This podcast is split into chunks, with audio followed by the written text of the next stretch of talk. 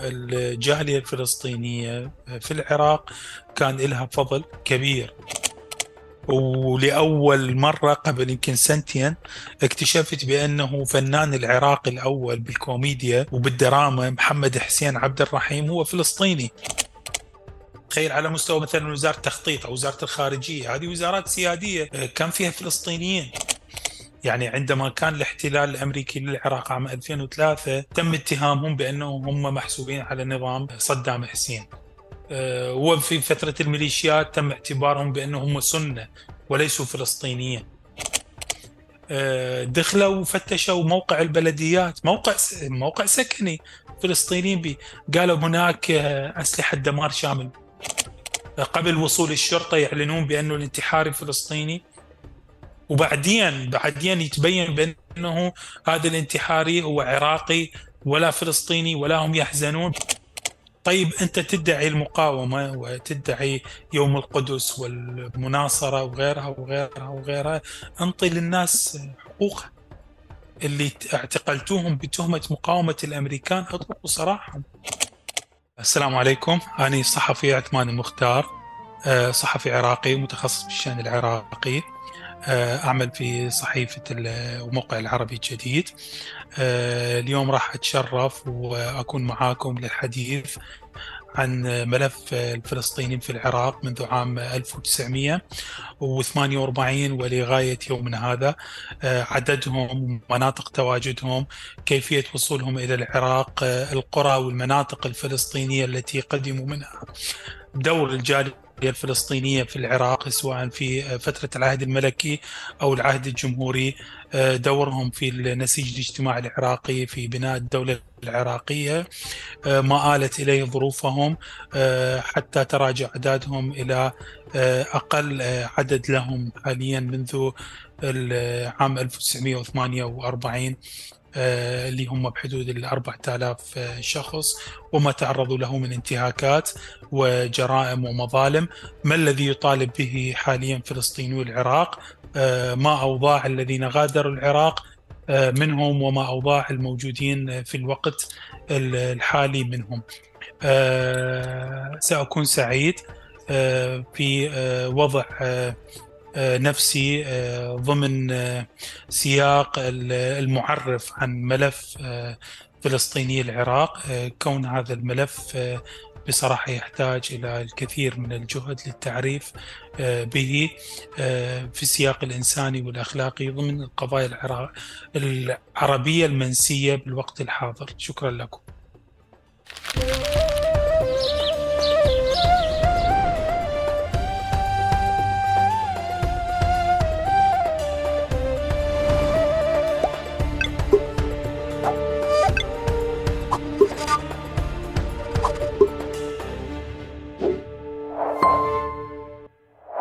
مرحبا واهلا وسهلا فيكم في حلقة جديدة من بودكاست تقارب. آه، حلقتنا اليوم مع العزيز عثمان مختار. أهلا وسهلا. آه، موضوعنا قبل ما أحكي في موضوعنا وقبل ما أرحب بضيفي بحب آه، أنوه وأكد في البداية على دعمكم لمشروع وبودكاست تقارب الحوارات اللي قاعدة بتكون التوثيق اللي قاعد بيكون. من خلال اولا الاشتراك ومتابعة القنوات النقطة الثانية كتير بساعد فعليا مشاركة المحتوى اللي موجود اقتباس المحتوى اللي موجود الإشارة له ودائما تقارب بكون سعيد جدا باستضافة باستقبال منكم أسئلتكم اقتراحاتكم لمواضيع وضيوف وأسئلة بتفكروا فيها لأنه هيك هو فكرته. يكون أقرب لكم موضوعنا لليوم آه، واحد من مواضيع النكبة بس بالعادة النكبة بتكون يا إما كرنفاليات أو بكائيات. آه، حسن حظي إنه ضيف اليوم راح يشير يساعدني فعليا أجاوب على أسئلة شخصية قائمة دائما آه، معرفتها قائمة دائما على التقصير. قد ما بعرف عنها قد ما دائما عندي شعور إنه مقصرين وهم موضوع فلسطينيين في العراق. واللي بالأرقام ما يقال أنه كانوا أربعين ألف صاروا أربع ألاف موجودين في العراق بطلوا موجودين في العراق بتنقلوا آه، كانوا يعاملوا معاملة العراقيين بطلوا يعاملوا معاملة العراقيين بس مؤخرا يمكن من 2003 نتيجة الوضع اللي كتير سيء. لوجودهم هناك صار يغلب على الحديث الحديث الإغاثي والخيري والدعم آه، ودعم الأونروا وغيره. بس إحنا فلسطينية العراق آه، كيف وصلوا لهناك؟ شو صار معهم؟ كيف كانوا عايشين؟ شو شكل المعاناة بالأرقام والمعلومات اللي اللي بنحتاجها لتتعزز عنا ونفهم شو بصير قبل ما نتواصل مع معاناتهم؟ آه، يمكن مهم جدا إنه إنه نفهمها ونستوعبها. وشيء تاني هذا العنوان اللي اخترته ل إلي ولإلكم ليكون عنواننا في ذكرى النكبة في هذا العام. أهلا وسهلا أبو محمد. أهلا وسهلا. أهلا وسهلا. يعطيك ألف عافية. وأنا زي ما حكيت لك يعني قدام الجمهور بشهد الجمهور والمشاهدين والمتابعين آه، أو المستمعين. إحنا يعني رح نهلكك أسئلة فبدك تتحملنا. أهلا وسهلا فيك. شرفك يعطيك الف عافية. وانت أول يعني أنا بحب جدا لما تقارب بلش بضيوف فلسطينيين فقط وبعدين كنت دائما بس من باب تعزيز الهوية أو تعزيز هوية البرنامج وتعزيز هوية الحوارات. آه، وبنبسط جدا لما بنفتح على على آه، على عرب لأنه دائما مش من فكرة إنه مهتمين بالشأن الفلسطيني لا إنه دائما آه، بعرف من عيشتي برا ومن غربتي إنه في عرب فلسطينيين أكثر من الفلسطينيين أنفسهم. فبسعدني كمان صحيح. وجودك. الله يخليك. تسلم أستاذ أحمد. أهلا وسهلا فيك. جزيلا. أبو محمد إحنا بالعادة آه، أنا مش أستاذ. فيعني أنا في في بيتك أرضك وجمهورك هلأ. حيا الله هلا فيك آه، بدي بدي بالعادة أنا بترك الضيف يعرف نفسه كما يحب. آه، بس لو سمحت إذا بتساعدنا في سطر بس من من التعريف اللي موجود عندك في جوجل وبعدين تعرفنا على نفسك كما تحب. إن شاء الله. أنا الصحفي عثمان المختار آه، صحفي عراقي. الشهر الماضي أكملت آه، عشرين سنة في مهنة الصحافة.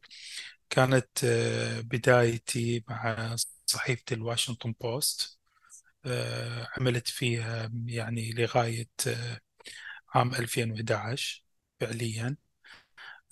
خلال هذه الفترة أيضا كنت أكتب و مقالات وتقارير مع صحف أجنبية أخرى أبرزها البوستن جلوب إضافة إلى الفوكس نيوز.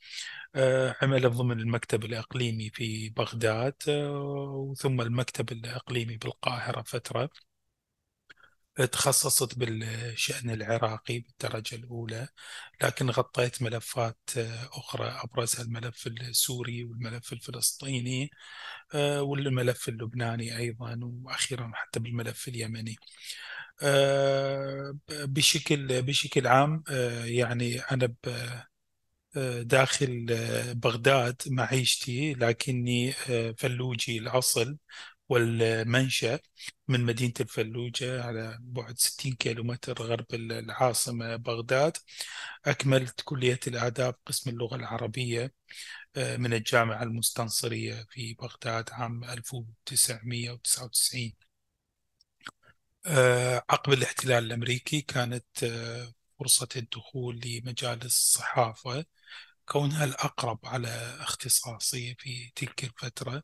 وما زلت في هذه المهنة لكن في رحلة غربة تكاد تكون الأطول من بين زملائي الآخرين.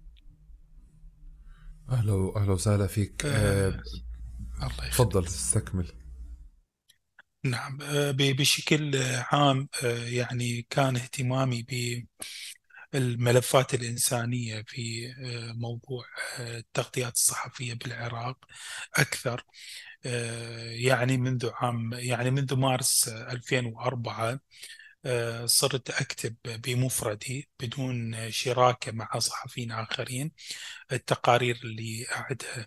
كانت آنذاك معارك الفلوجة ومعارك النجف ومعارك تل عفار آه، شعرت بأنه الجانب الإنساني الجانب الحقوقي داخل العراق يكاد يكون سيء جدا. آه، من ناحية التغطية الصحفية. آه، كان الأطفال والنساء يعني هم الحلقة الأضعف في دوامة العنف بالعراق. إلى جانب موضوع المعتقلين وحملات الاعتقال الانتهاكات الأمريكية. آه، فالحمد لله حصلت على عدة جوائز في هذا الإطار. حصلت على جائزة دولية من خلال الواشنطن بوست.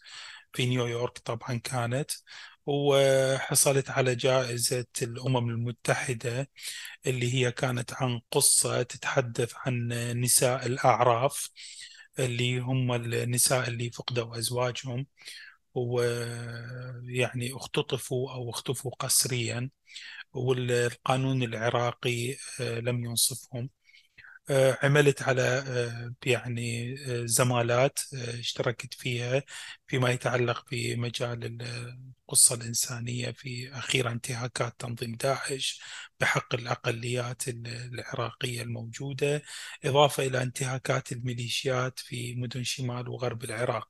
يعني بشكل عام يعني وصولا إلى آه، عملي بالملف العراقي آه، بعد عام 2014 في صحيفة العربي الجديد آه، من مكتب الدوحة الحمد لله يعني تمكنت خلال هذه الفترة من آه، إنه أكون فعليا وأفرح لما آه، أوصف بأنه أنا متخصص آه، في رصد القضايا الإنسانية الأخلاقية الحقوقية داخل العراق.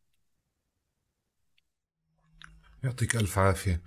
وبالشق الثاني من السؤال كمان إحنا بنغلس على ضيوفنا فمن كيف بتحبش يتم تعريفك؟ دائما بكون عندنا فضول كيف الضيوف بكرهوا لا أنا يعني عثمان عثمان المختار وأبو محمد يعني كنيتي أبو عبد الله أيام الشباب.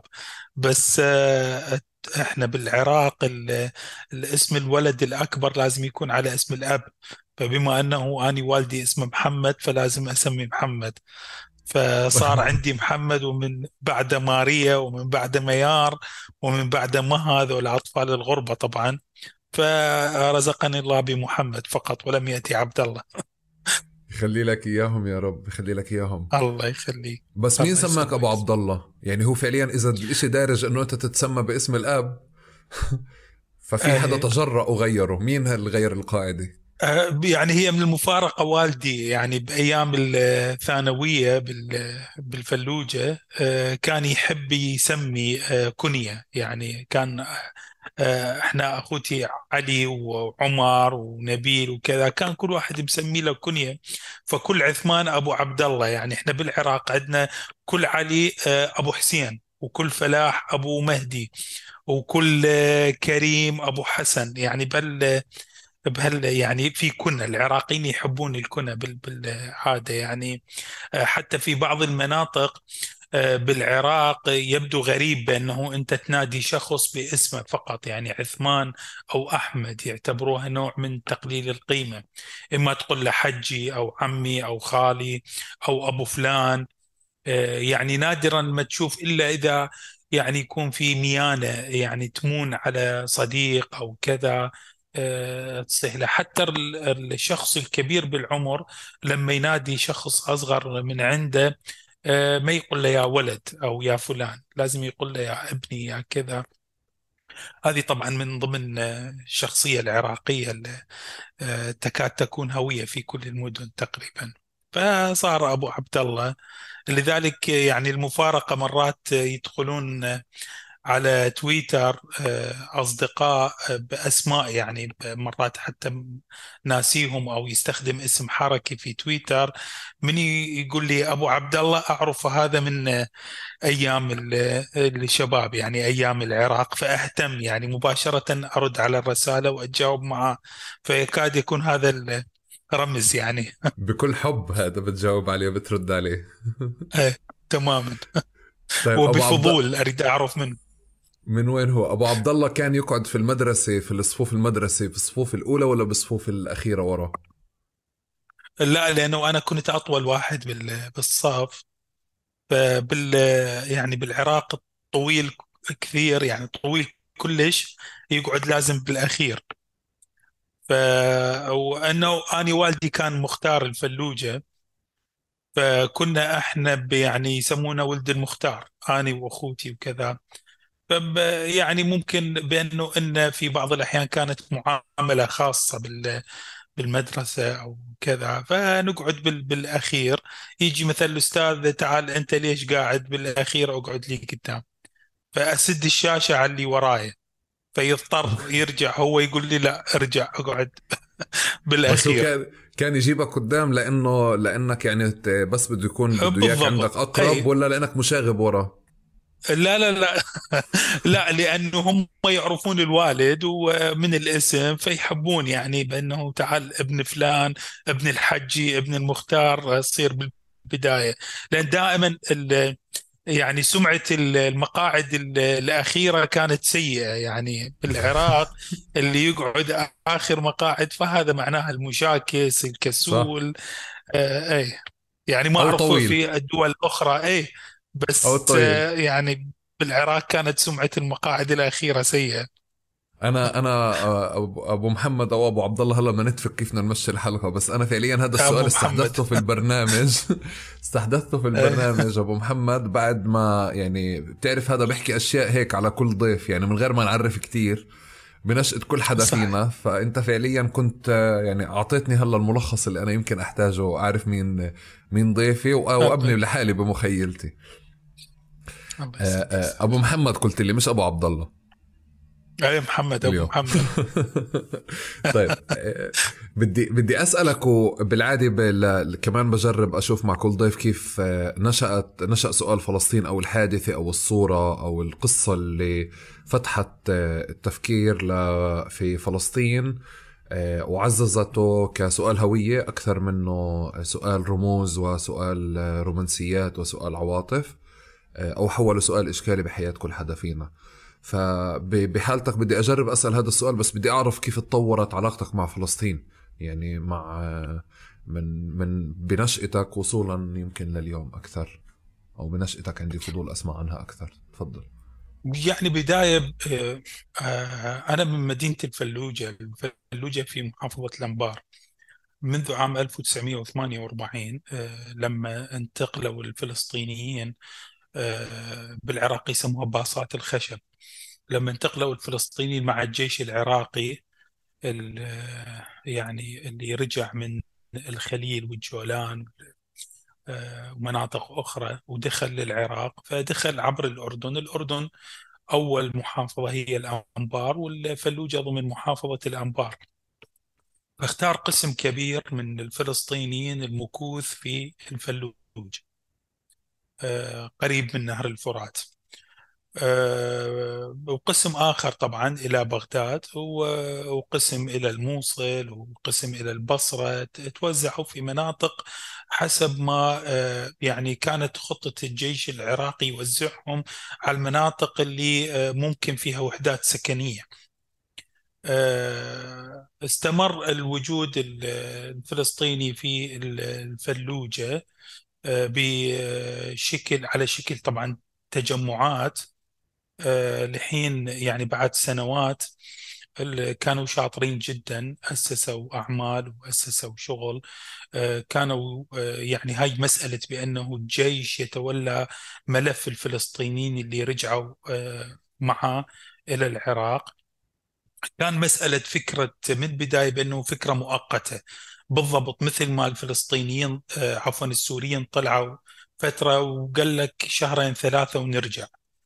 فكان كان الرأي العراقي بأنه يبقون آه، تحت آه، إشراف الجيش العراقي الفلسطينيين.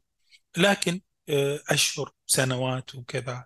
فتغير الموضوع إلى بأنه صار ملف الوجود الفلسطيني ضمن قانون. بالفترة الملكية آه، كان آه، يعني آه، لحد عام 1958 اللي هو كان الانقلاب على النظام الملكي وحلول النظام الجمهوري بالعراق. كان الفلسطينيين موجودين يسموه قانون تنظيم آه، الضيوف يعني إقامة الضيوف بهال بهالعبارة هذه. وصادق عليه بقرار ملكي وقتها من الوصي عبد الإله ثم الملك فيصل يعني بقرار من عنده بأنه آه، هذا التنظيم ورفض بأنه اعتبارهم لاجئين. يعني الوجود الفلسطيني من الوقت الملكي العهد الملكي رفض تسمية تسميتهم باللاجئين وأطلق عليهم الضيوف. القرار رقم 24 كان تحديدا نظم وجودهم ضمن هذا السياق ومنحهم حرية الإقامة والعمل والتواجد في أي منطقة يرغبون بها بالعراق. كان وجودهم في مدينة الفلوجة وكان في ساحة بالفلوجة اسمها ساحة ميسلون. ساحة ميسلون لغاية الآن موجودة هذه الساحة كان في صديق الوالد اسمه آه، صباح أحمد مصباح وكنا نصيح له صباح الفلسطيني. صباح كان عنده معمل أو مشغل للجلود. الجلود آه، إحنا بالعراق نسميها القماصل أو يعني الجاكيتات الجلدية والاحذيه والمشغولات اللي آه، قراب المسدس الخنجر اللي يحطون فيها المشغولات. هو كان بارع صباح كان خفيف الظل. آه الله يرحمه توفى. آه وكان عنده أولاده. كان لما ندخل عليه يبدي آه يعطينا حلويات. وكان عنده خفة يد هذه آه عنده ألعاب خفة يد وحركات. إحنا كنا أطفال ونضحك عليها. مثلا يجيب الشكلية يحطها منا من وراء ذنة ويطلعها من آه كمة. ونضحك عليه ونصيح له عمي مصباح.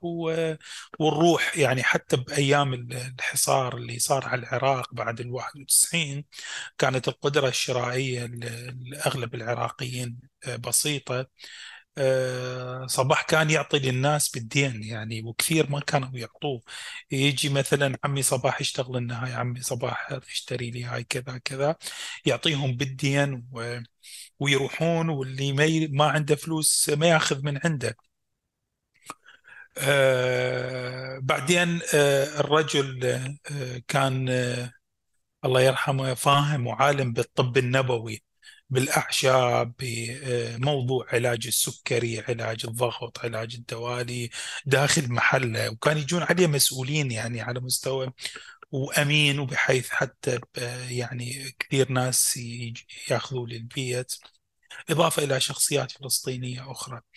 فكان لافت اللهجة الفلسطينية آه، وأنا صغير أول مرة أسمع لهجة غير اللهجة المصرية. أنا وعيت آه، يعني بأنه كانوا المصريين هم الجالية العربية الأكبر في العراق آه، خاصة فترة الثمانينات بداية الثمانينات كانوا يشتغلون. فكان اللهجة الفلسطينية لافتة. آه، حافظوا الفلسطينيين على لهجتهم على ملابسهم تقاليدهم. كانوا يعتبروه من باب الفخر والاعتزاز حتى على مستوى أسماء أبنائهم اللي يطلقون عليها على مستوى أسماء محلاتهم آه، مطاعم آه، محلات كماليات آه، حتى على مستوى أطباء على مستوى أساتذة. فلان الفلسطيني فلان الفلسطيني. وكانت النزعة القومية عالية جدا القومية العربية طبعا. وكانوا آه، فلسطينيين يعني بغض النظر عن إنه فلسطيني مسلم أو فلسطيني مسيحي. آه، كانوا متواجدين آه، ضمن الهوية الفلسطينية داخل العراق. بعد ما انتقلت من الفلوجة لقيت بغداد عالم أوسع. بغداد كان الفلسطينيين متوزعين على جانب الكرخ والرصاف. نتحدث على منطقة مثلا حي الجامعة شارع حيفا الفحامة الكرخ القديمة الفضل. كانوا الفلسطينيين متواجدين فيها بكثرة. كانوا نشطين ويعملون بعدة مجالات. آه، على جانب الرصافة كان في أكبر مجمع اللي هو مجمع البلديات واللي بنت الحكومة العراقية قبل الاحتلال ليكون هو مجمع للفلسطينيين. آه، كان يعني بنت شركة يوغوسلافية أعتقد عبارة عن شقق آه، سكنية كبيرة وواسعة ومخدومة. آه، وأعتقد بأنه كان أيضا في ناحية أمنية اختاروا بأنه يكون في مجمع لأنه كثير من الفلسطينيين كانوا هم ناشطين في حراك التحرير الفلسطيني سواء من يعني جماعة فتح أو جماعة حماس وغيرها وغيرها.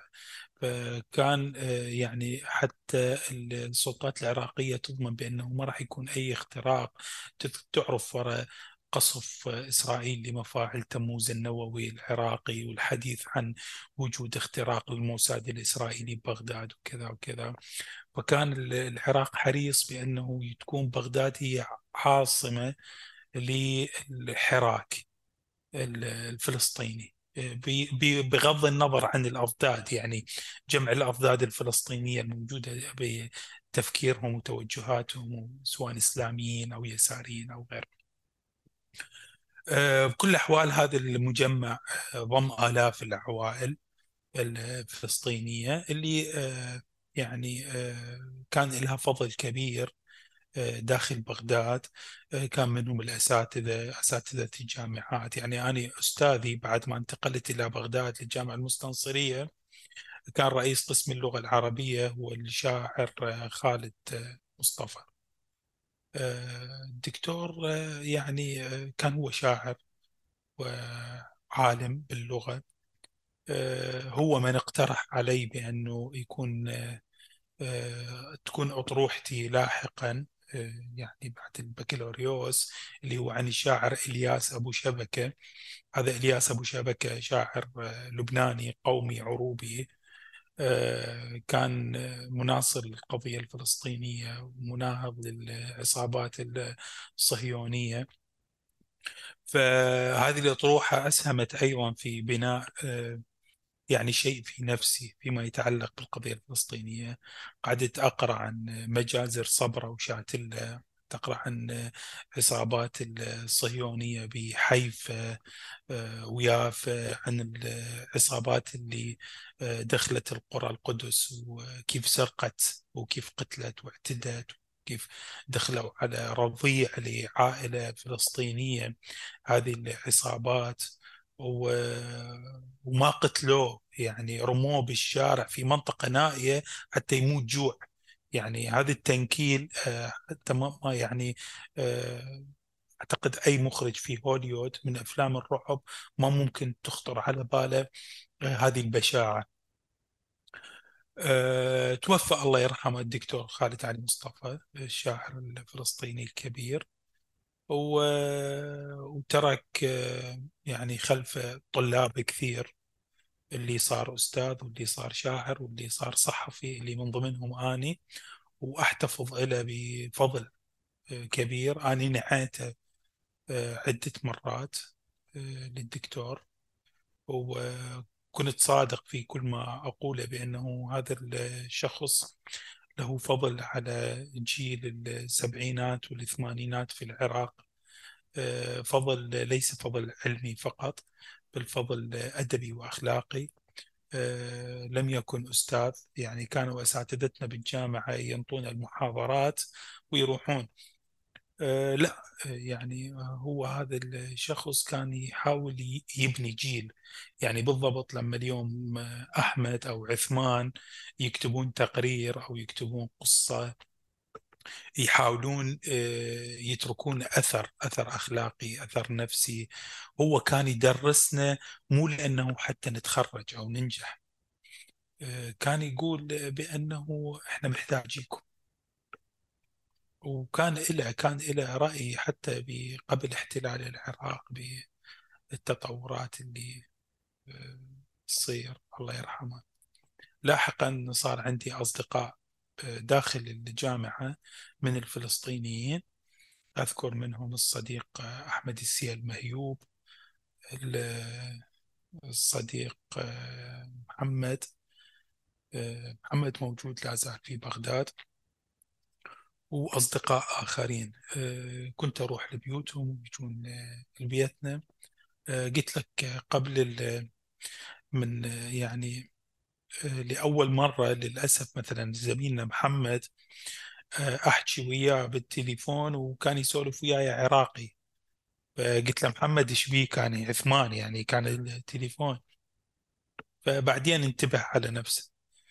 فلما قعدت أسأل وكذا وأفهم من بأنه للأسف الفلسطينيين بعد عام 2003 من كتوجه غريزي أو توجه يعني غير متفق عليه للجالية الفلسطينية في العراق صاروا يحجون عراقي.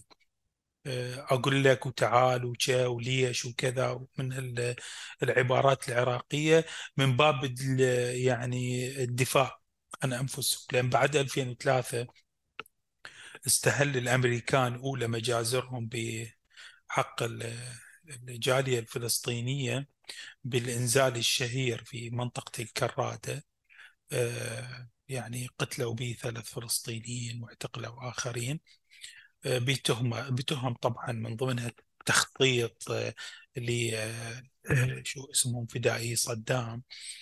وبعدين اعتقلوا الراحل محمود أبو العباس.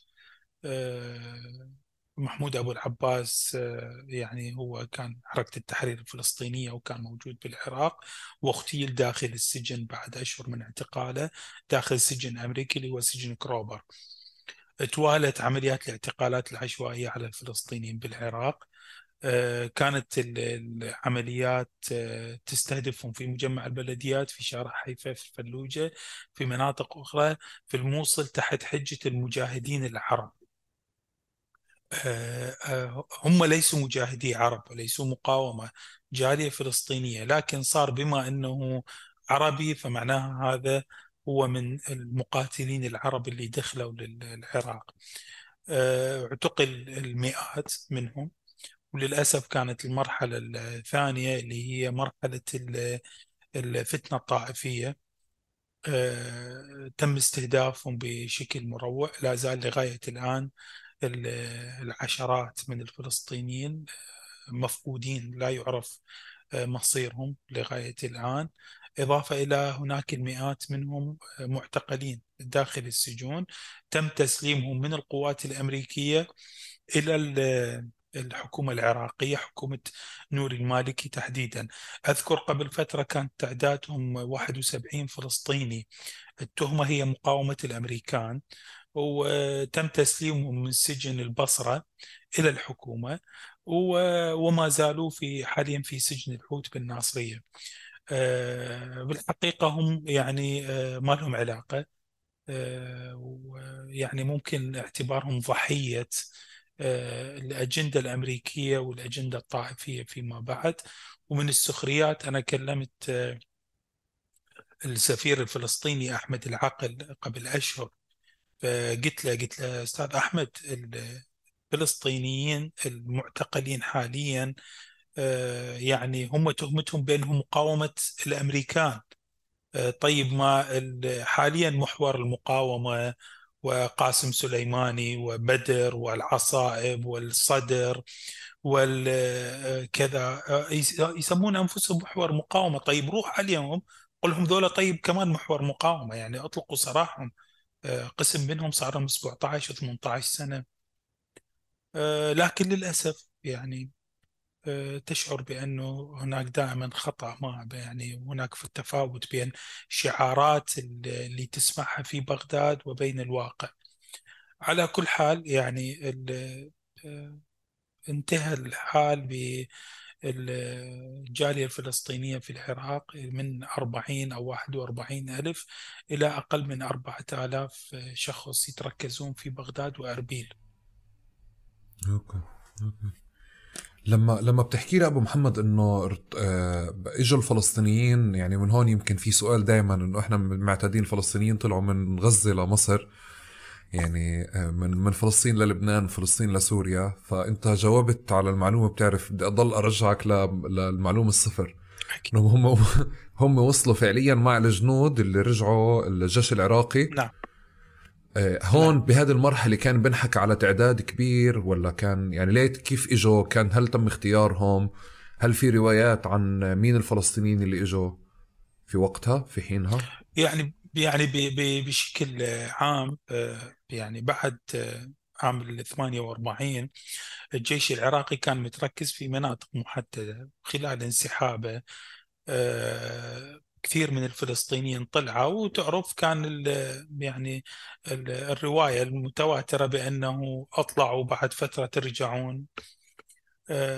فطلعوا مع الجيش العراقي الفلسطيني الموجودين بقرى قريبة من القدس ومن حيفا من ضمنها أجسم وجبع وعين الغزال ومن يافا ونابلس والقدس طلعوا بأقل من 25 ألف لأنه الكثير منهم استقروا بالأردن. وقسم لا فضلوا يعبرون مع الجيش العراقي للعراق بالعودة. فقسم كانوا بآليات الإيفا. الإيفا هذه سيارة سيارة شحن آه، يعني روسية أو الاتحاد السوفيتي آه، آنذاك كان العراق يستخدمها بكثرة. فاللي هي البوكس الكبير. فانتقلوا آه، بعد الأردن كان في خط معروف خط كركوك بغداد عمان وصولا إلى القدس. يسموه H1 H2 H3 وعلى هو نسبة إلى خط العراق حيفا خط أنبوب النفط. وفيما بعد صار عليه شارع سريع. فهذه باصات كانت يسموها باصات الخشب تنقل العراقيين والأردنيين آه، آنذاك يعني بشكل عام الشام بلاد الشام يتنقلون ما بين الشام والعراق وصولا إلى الكويت وقسم يعبرون للسعودية طريق الحج القديم اللي هو كان مختصر للفلسطينيين. آه، بشكل بشكل عام انتقلوا عبر هذه الباصات وتوزعوا في هذه المناطق. آه، يعني ممكن آه، نتحدث عن آه، هجرة أخرى اللي هي كان آه، يعني هاي الحقيقة التاريخية. كثير من رجال هذه العوائل رفضوا ينسحبون وقاتلوا كانوا يقاتلون على شكل وحدات أو مجاميع أو جيوب مقاومة. لذلك فضلوا بأنه نسائهم زوجاتهم أطفالهم الله يرحمهم أكيد توفوا. فضلوا بأنه يأمنون زوجاتهم ونسائهم وأطفالهم مع آه، قوات الجيش اللي طبعا انسحبت أو بلشت تنسحب وقالوا لا أرضنا وما ننسحب منها فبقوا. قسم منهم استشهدوا وقسم منهم انسحبوا بالنهاية. فاللي انسحبوا أيضا التحقوا فيما بعد بأسرهم داخل العراق. أوكي. وهون بتبين يمكن الخصوصية أكتر آه، المجموعة اللي انسحبت أو راحت مع الجيش على العراق. يعني آه، وأنت قاعد بتحكي عم بفكر ليش ما ضلوا بالأردن. بس صار واضح لي إنه نعم. إنه هم خلص صار العنوان إنهم رايحين على العراق مع الجيش العراقي. لأنه آه يعني نعم. المقاتلين أو ذويهم ممكن يلتحقوا فيهم. بهذا المنطق؟ بالضبط بالضبط. ويعني لا تنسى يعني فعليا كانت المناطق الأردنية أيضا آه، بمثابة الخطوط الأمامية للمواجهة.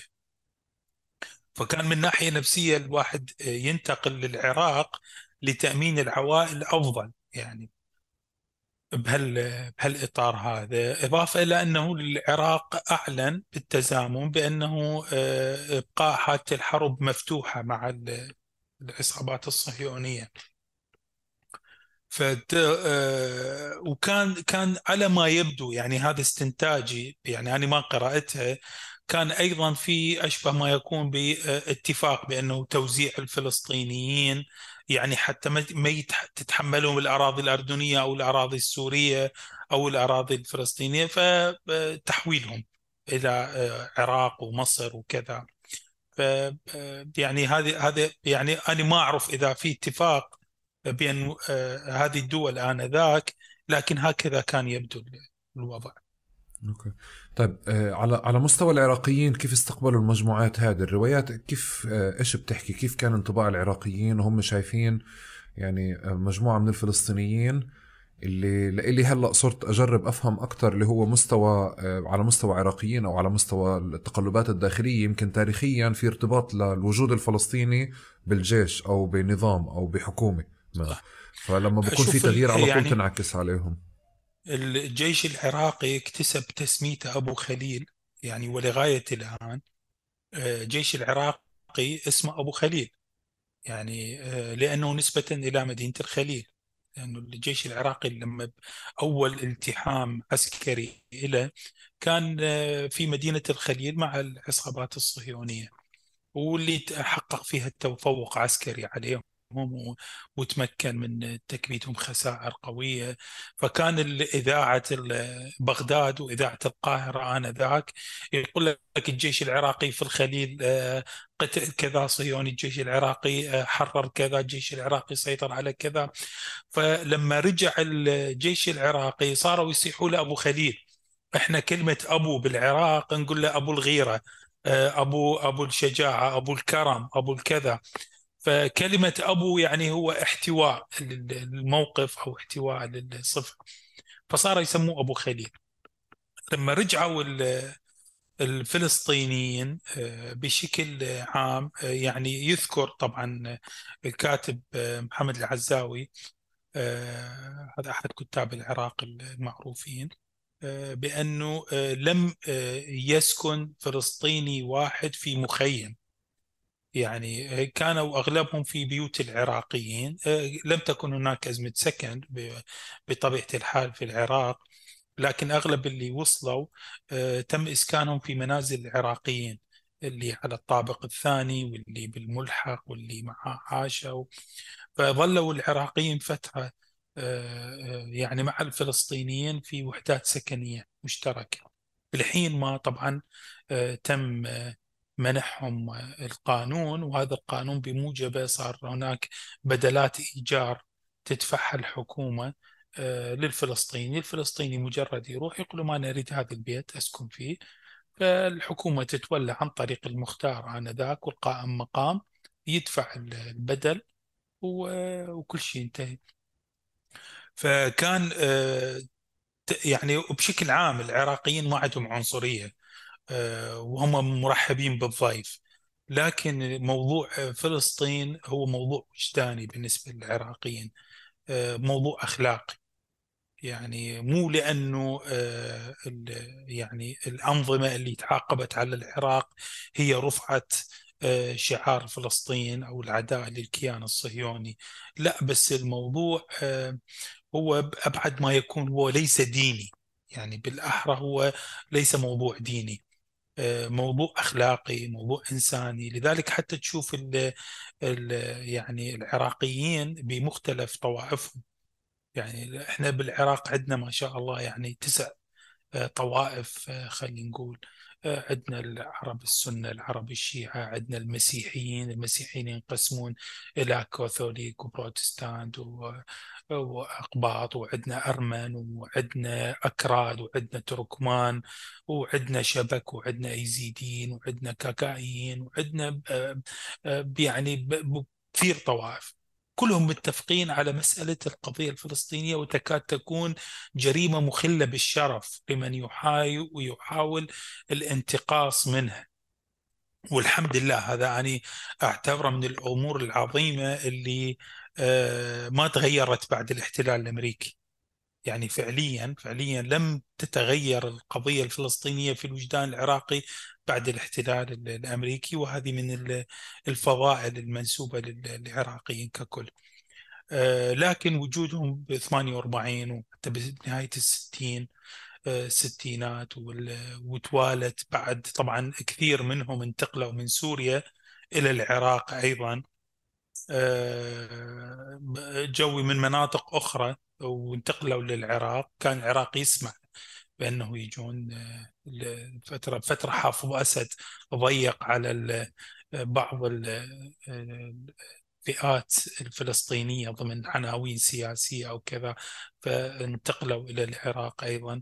فزاد التواجد وزاد اللحمة العراقيين لأنه العراق فتح آه، ضمن القانون آه، للفلسطيني كما للعراقي لحين تحرير كامل التراب الفلسطيني.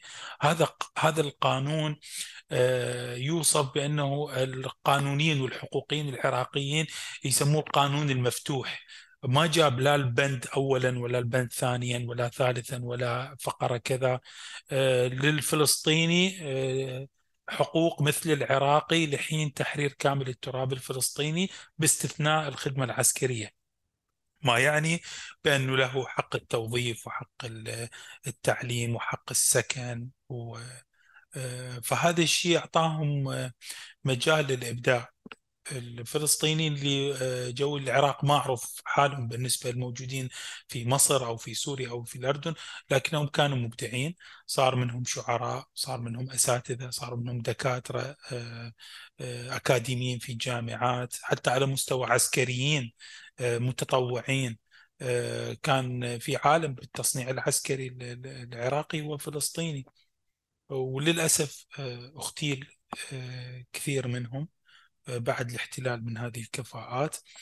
آه، لذلك من الإنصاف القول بأنه الجالية الفلسطينية في العراق كان لها فضل آه، كبير آه، في قطاع التعليم قطاع الصناعة وقطاع التجارة داخل العراق يعني حتى على مستوى الوعي الثقافي.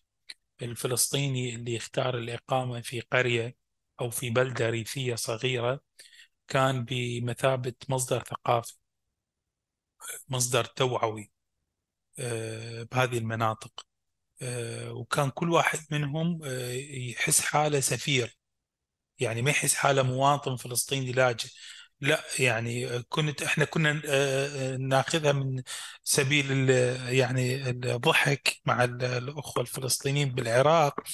أول ما يقعد يعني حتى قعده سمر مثلا تعلولة إحنا بالعراق نسميها أو عزيمة أو عرس يقعد يحكي لنا عن فلسطين وإحنا شلون طلعنا وشلون دخلنا وشلون كذا وشلون كذا وشلون البريطانيين كانوا ينزلون اليهود آه، بالموانئ آه، كل فترة وشلون كانوا يعملون. آه، فيعني كانوا مصدر مصدر إشعاع. يعني عكس كل الجاليات الأخرى اللي أقامت بالعراق الفلسطينيين كانوا منتجين منتجين مو بالمعنى المادي بقدر ما هو المعنى المعنوي للإنتاج لل يعني آه، خلي نقول آه، لمسألة العطاء العطاء الفكري عطاء الثقافي فلذلك انحفرت في ذاكرة كل العراقيين في حكاية فلسطينية من نوع ما Okay. آه، خبرتني انت أو ذكرت هلا ثلاث دفعات يمكن إحنا بنفع نسميها آه، دفعات أو بنفع نسميها موجات لجوء. موجات. موجات, موجات. آه، أكبرها موجات. 48 48 okay. اللي بعدها فعليا؟ طبعا. Okay. استمرت. طبعا نهاية الستينات كانت في الموجة المعروفة اللي صارت أيضا. قسم منهم من الجولان طبعا كانت. من فلسطيني جولان المحتل وقسم منهم آه، يعني من من القدس. وهذول اللي وصلوا من القدس آه، يعني على ما يبدو في قرى أو في لهجة فلسطينية يستخدمون التشه مثل العراقيين. أي. هذول اللي وصلوا من ضواحي القدس طبعا. اللي تشيفك وكذا أي يعني فحتى إحنا كنا آه، يعني نضحك عليهم ونقول لهم خلاص أنتم عراقيين مثلنا. أي. فهذه الموجة الثانية. وفي موجة طبعا آه، بال يعني بعد ال 79 لما تفاقم الخلاف بين جناح حزب البعث العراقي وجناح حزب البعث السوري. آه، كان في تضييق من النظام السوري آنذاك على آه، قسم من الفلسطينيين اللي هم أصلا كانت علاقتهم مع العراق آه، ضمن سياق القضية الفلسطينية. يعني ما كان ضمن سياق حزبي مع حزب البعث أو مع صدام حسين أو حتى قبل مع أحمد حسن البكر. كانت الفكرة بأنه بغداد تقدم دعم دعم تسليح دعم مال دعم سياسة دعم إعلام. فلا اتهموا بأنه هم علاقتهم مع آه، بغداد. إذا دولة غير مرحب فيهم آه، بالتواجد في دمشق. فأيضا انتقلوا آه، طبعا يعني انتقلوا كثير. بذيك الفترة برزوا برزوا فنانين. يعني يمكن راح تضحك علي يعني الصحفي. ولأول مرة قبل يمكن سنتين اكتشفت بأنه فنان العراق الأول بالكوميديا وبالدراما محمد حسين عبد الرحيم هو فلسطيني تخيل. آه، محمد حسين عبد الر... محمد حسين عبد الرحيم آه، هو آه، فنان العراق الأول. عمرنا ما كنا نعرف هذا الشخص فلسطيني. كنا نقول عراقي. محمد حسين عبد الرحيم اني لو واحد يعني جاي بالشارع يقول لي فلسطيني أقول له أنت يعني شبيك حلمان مثلا. اكتشفت قبل سنتين لما طلع يناشد يريد يطلع خارج العراق للعلاج وما عنده جواز سفر. لما كلفت مكتبنا في بغداد يروح لزيارة للبيت آه، حتى يعمل قصة عنه. اكتشف بأنه هو شخص فلسطيني من فلسطين 48 وولد في العراق في الخمسينات وأبوه كان كهربائي وكذا عامل آه، حرفي في بغداد وهو فلسطيني أبا عن جد بعدين تكتشف بأنه جلال كامل بطل الأكشن بالعراق والشاب الوسيم آه، اللي كنا إحنا ننظر له بأنه بحسد أيضا طلع فلسطيني. حاليا الزميلة أمل صقر صحفية بارزة في العراق وصحفية أنا أسميها صحفية التحقيقات الاستقصائية في العراق. آه، قبل فترة بسيطة اكتشفت بأنه هي فلسطينية أيضا. يعني آه، وهذول لهم فضل. يعني لما تتكلم على محمد حسين عبد الرحيم يعني آه، أو جلال كامل أو حتى الزميلة حاليا أمل صقر تحياتنا إلها موجودة في بغداد وزملاء آخرين لهم يعني لهم بصمة بصمة بالمشهد العراقي ككل بصمة إيجابية. فمسألة الوجود الفلسطيني بالعراق أعتقد تختلف اختلاف جذري وكلي عن أي وجود آخر بالمنطقة. يعني يكاد يكون مشابه للوجود في الأردن. لكن هو مميز عن الوجود في سوريا وفي لبنان وفي مصر وفي أي بلد آخر. آه أنا برأيي ما في زيه. يعني حتى الأردن ما بتخيل إنه في زيه. يعني على مستوى اللهجات آه، حتى إذا بدك تعمل سيرش على يوتيوب بتلاقي الفلسطينيين يعني آه، آه، اللي في العراق لليوم لحد آخر تقارير مصورة مقابلات معهم. اللهجة زي ما أنا بحكي. يعني أنا لإلي بتعرف أنت بتكون متعود تاخذ عنصر الزمن الاختلاط الاندماج التعايش كل هذه التفاصيل إنه إلا ما تكسر اللهجة. بس حدا فعليا موجود بالعراق اليوم قاعد بشكي مثلا من أوضاع معيشية أو ست بتشكي من من معتقل. إنه أنا ما عندي مشكلة أطلع من هون مثلا بتقول بس طلعوا لي ابني. فأنا لإلي بصير في خلط عندي. إنه أنت وين؟ يعني أنت اللهجه هاي بالعادة بسياق إسرائيلي بتنحكى. إنه طلعوا لي ابني من السجن بعدين بطلع. بس إنه انت أنت عن جد هذا الست موجودة ببغداد؟ وهلأ وأنت قاعد بتحكي بصفن في إنه يعني شو بيعني إنه أنت موجود في محيط في محيط صحفي عم تتعاطى مع شخصيات آه، آه، وبتكتشف بعد فترة يعني حتى مع كل الظروف اللي تغيرت على مستوى شعبي على مستوى رسمي ما تمش إثارة يمكن نعرات اللي تخلي آه، أمل تصير فجأة فلسطينية. يعني أنت تعرف الموضوع كفجأة وهي مصادفات حتى أنت كيف بتقدمها. هلا بنفس السياق هذا إحنا حكينا على موجات اللجوء آه، آه، وبدي أجرب أسألك على التجنيس.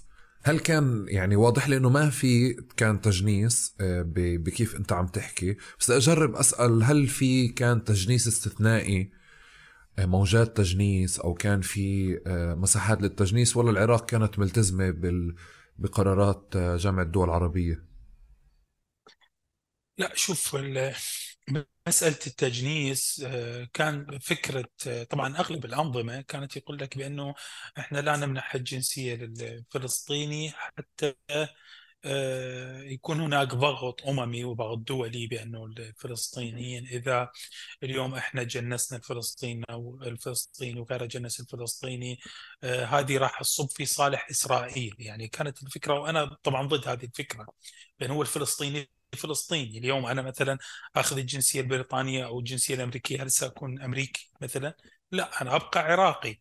يعني مسألة آه، التعامل مع الأوراق آه، على أنها آه، يعني تغيير ايديولوجي أو تغيير فكري أو تغيير ديموغرافي أو كذا وكذا هذه أنا ضد هذه الفكرة.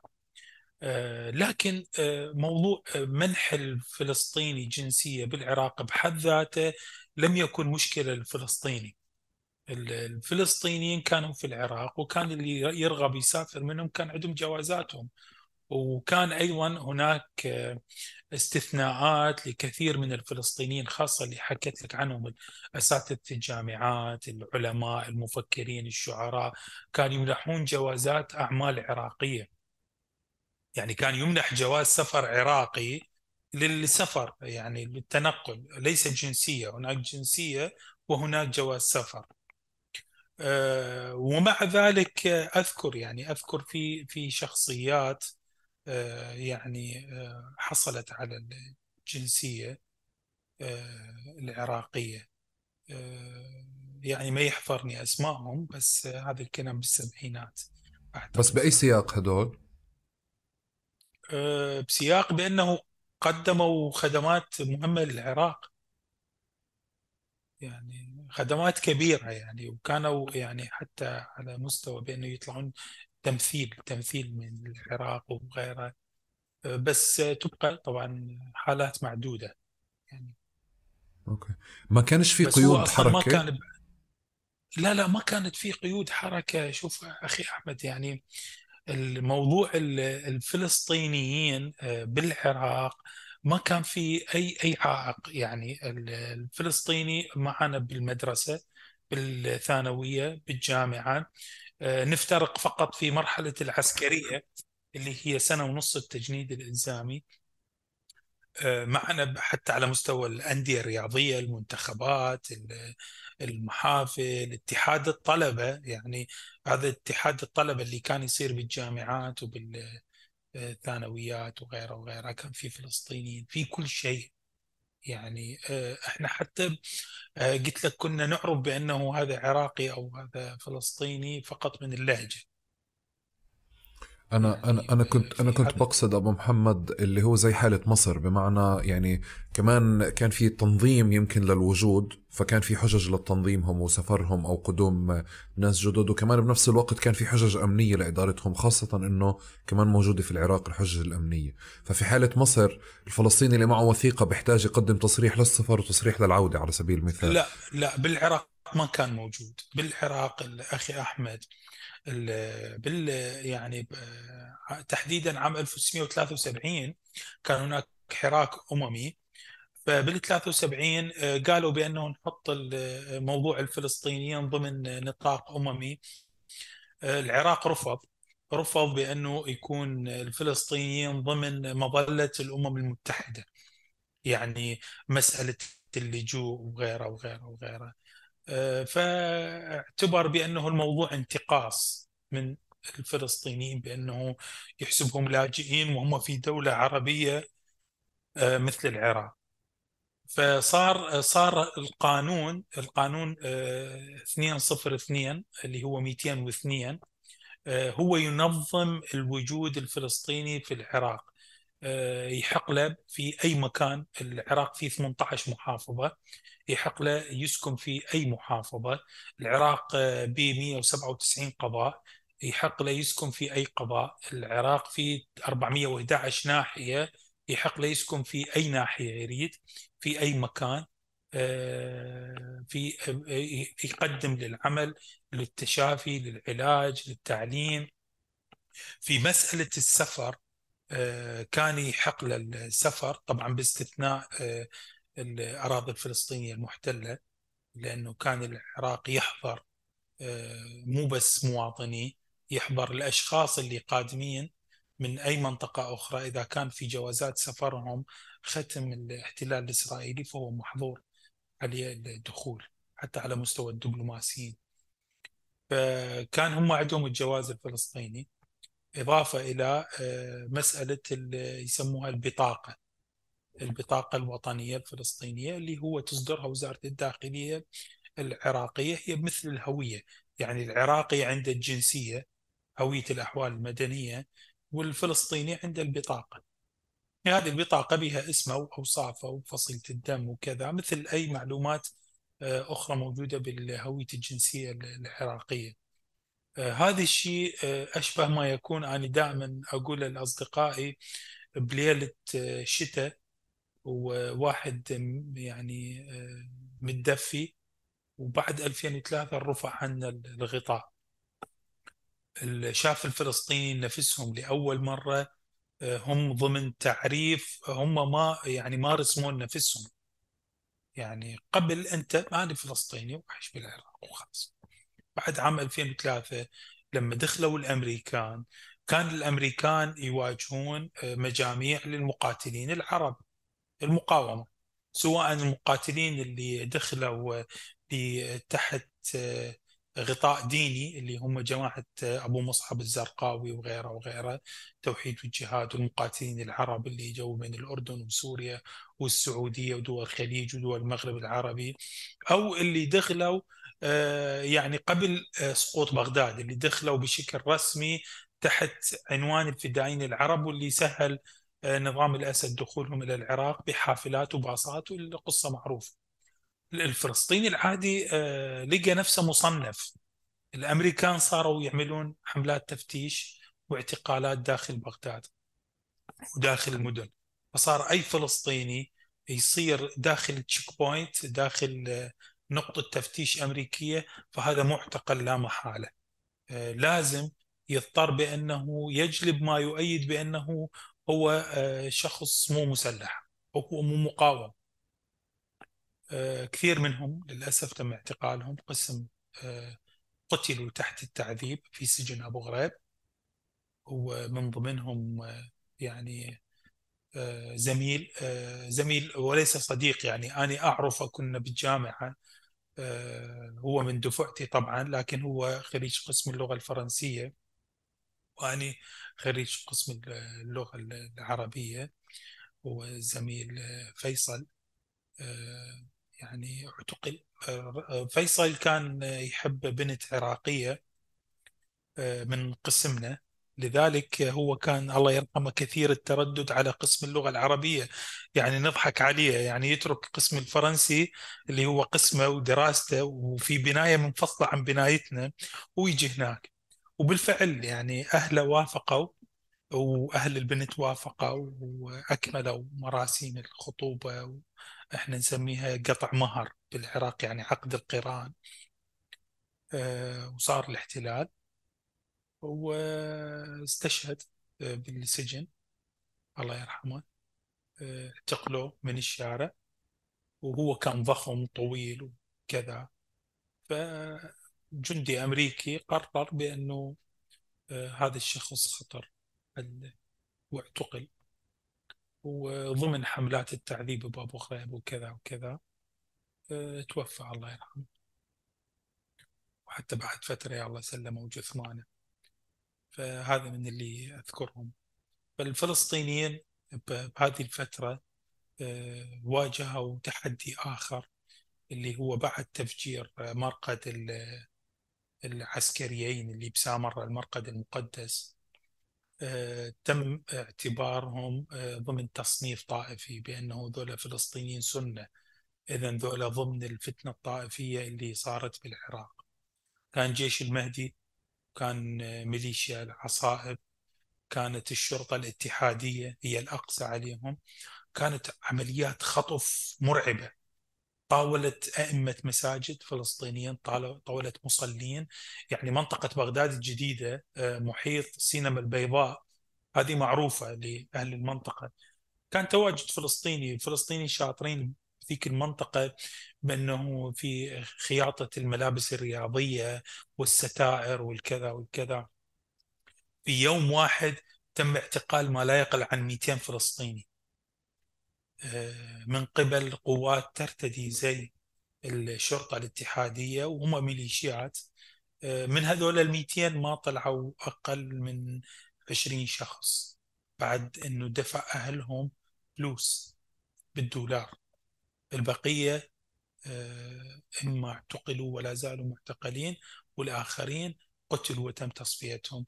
من المفارقات قناة العراقية اللي هي الرسمية آه، أظهرت اعترافات لشاب فلسطيني آه، بأنه أني فجرت وأني دخلت انتحارين وأني كذا وأني كذا وأعتقد موجود اللقاء على يوتيوب لغاية الآن إذا أتذكر أبعث لك إياه إن شاء الله. فيعني طلعوه طلعوه ده يعترف يعترف بأنه آني سويت كذا كذا كذا كذا وكان علامات الضرب والإعياء باينة عليه يعني انتزعت منه اعترافات. بالقوة. آه، بعدين اختفى اختفى هذا الشاب ولا زال مختفي. يعني لا هو بالسجون العراقية ولا هو بسجون الميليشيات ولا الصليب الأحمر تعرف عنه شيء ولا الهلال الأحمر يعرف عنه شيء. بمعنى بأنه تم تصفيته مع الآخرين. كانت عمليات إعدام وكانت في منطقة مشهورة لهذه المناطق اسمها السدة ميليشيا جيش المهدي والعصائب تاخذ الاشخاص الضحايا وتصفيهم اضطروا الفلسطينيين بالهرب بموجات نزوح نحو الحدود السورية. آه هذا العام 2006 آه وللأسف آه كان يعني آه، تصرف النظام السوري غير أخلاقي بالكامل. آه، والتصرف النظام عليكم السلام. تصرف النظام العراقي أيضا آنذاك آه، غير أخلاقي. بعد ما وصلوا إلى آه، نسميها المنطقة صفر اللي هو الشريط الحدودي العراقي السوري. آه، سوري النظام السوري ما قبل يدخلهم باعتبار ذولا مو عراقيين وما عندهم آه، وجوازاتهم كانت نافذة. جوازاتهم الفلسطينية يعني نفذت المفعول. فصاروا ضمن هاي المنطقة. العراقيين طلعوهم من المنفذ والسوريين ما قبلوا يدخلون. فانحصروا آلاف من عندهم ضمن منطقة جغرافية أو مساحة جغرافية ما تتجاوز 3 كيلو متر بقوا أشهر طويلة في مخيمات آه، يعني وفرت فيها الأمم المتحدة أقصى ما يكون خيام فقط. حالتهم كانت مزرية. نساء أطفال رجال لا العراقيين قبلوا يرجعوهم. تركوا بيوتهم تركوا أثاثهم أملاكهم. كلهم فلسطينيين ولادتهم بغداد ولادتهم العراق. وذنبهم الوحيد بأنه هم فلسطينيين وقرروا يهربون من آلة الميليشيات وآلة الأمريكان.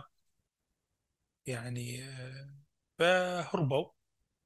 أملا بأنه نظام الأسد يستقبلهم والنظام ما استقبلهم بقوا أشهر طويلة طويلة جدا لحين ما الأمم المتحدة آه، أقنعت دول عدة أغلبها طبعا دول أمريكا اللاتينية آه، من ضمنهم البرازيل وأعتقد تشيلي كانت أيضا أخذت والأرجنتين أخذت آه، كندا أيضا ماليزيا أخذت قسم منهم وتم حل المشكلة. وهذه أعتبرها أني وصمة عار وصمة وصمة عار أخلاقية على الجانبين. النظام السياسي بالعراق بعد عام 2003 ونظام الأسد لأنه لغاية الآن في قبور لفلسطينيين بالمنطقة صفر. لغاية هذه اللحظة لأنه أطفال رضع من ضمنهم اثنين أطفال رضع قتلوا ولم يتوفوا. يعني لما أتحدث عن قتل لما تخلي أشخاص عزل نساء أطفال بنات بأعمار 16 17 سنة جياع في منطقة صحراوية لا أنت تقبل ترجعهم إلى داخل العراق.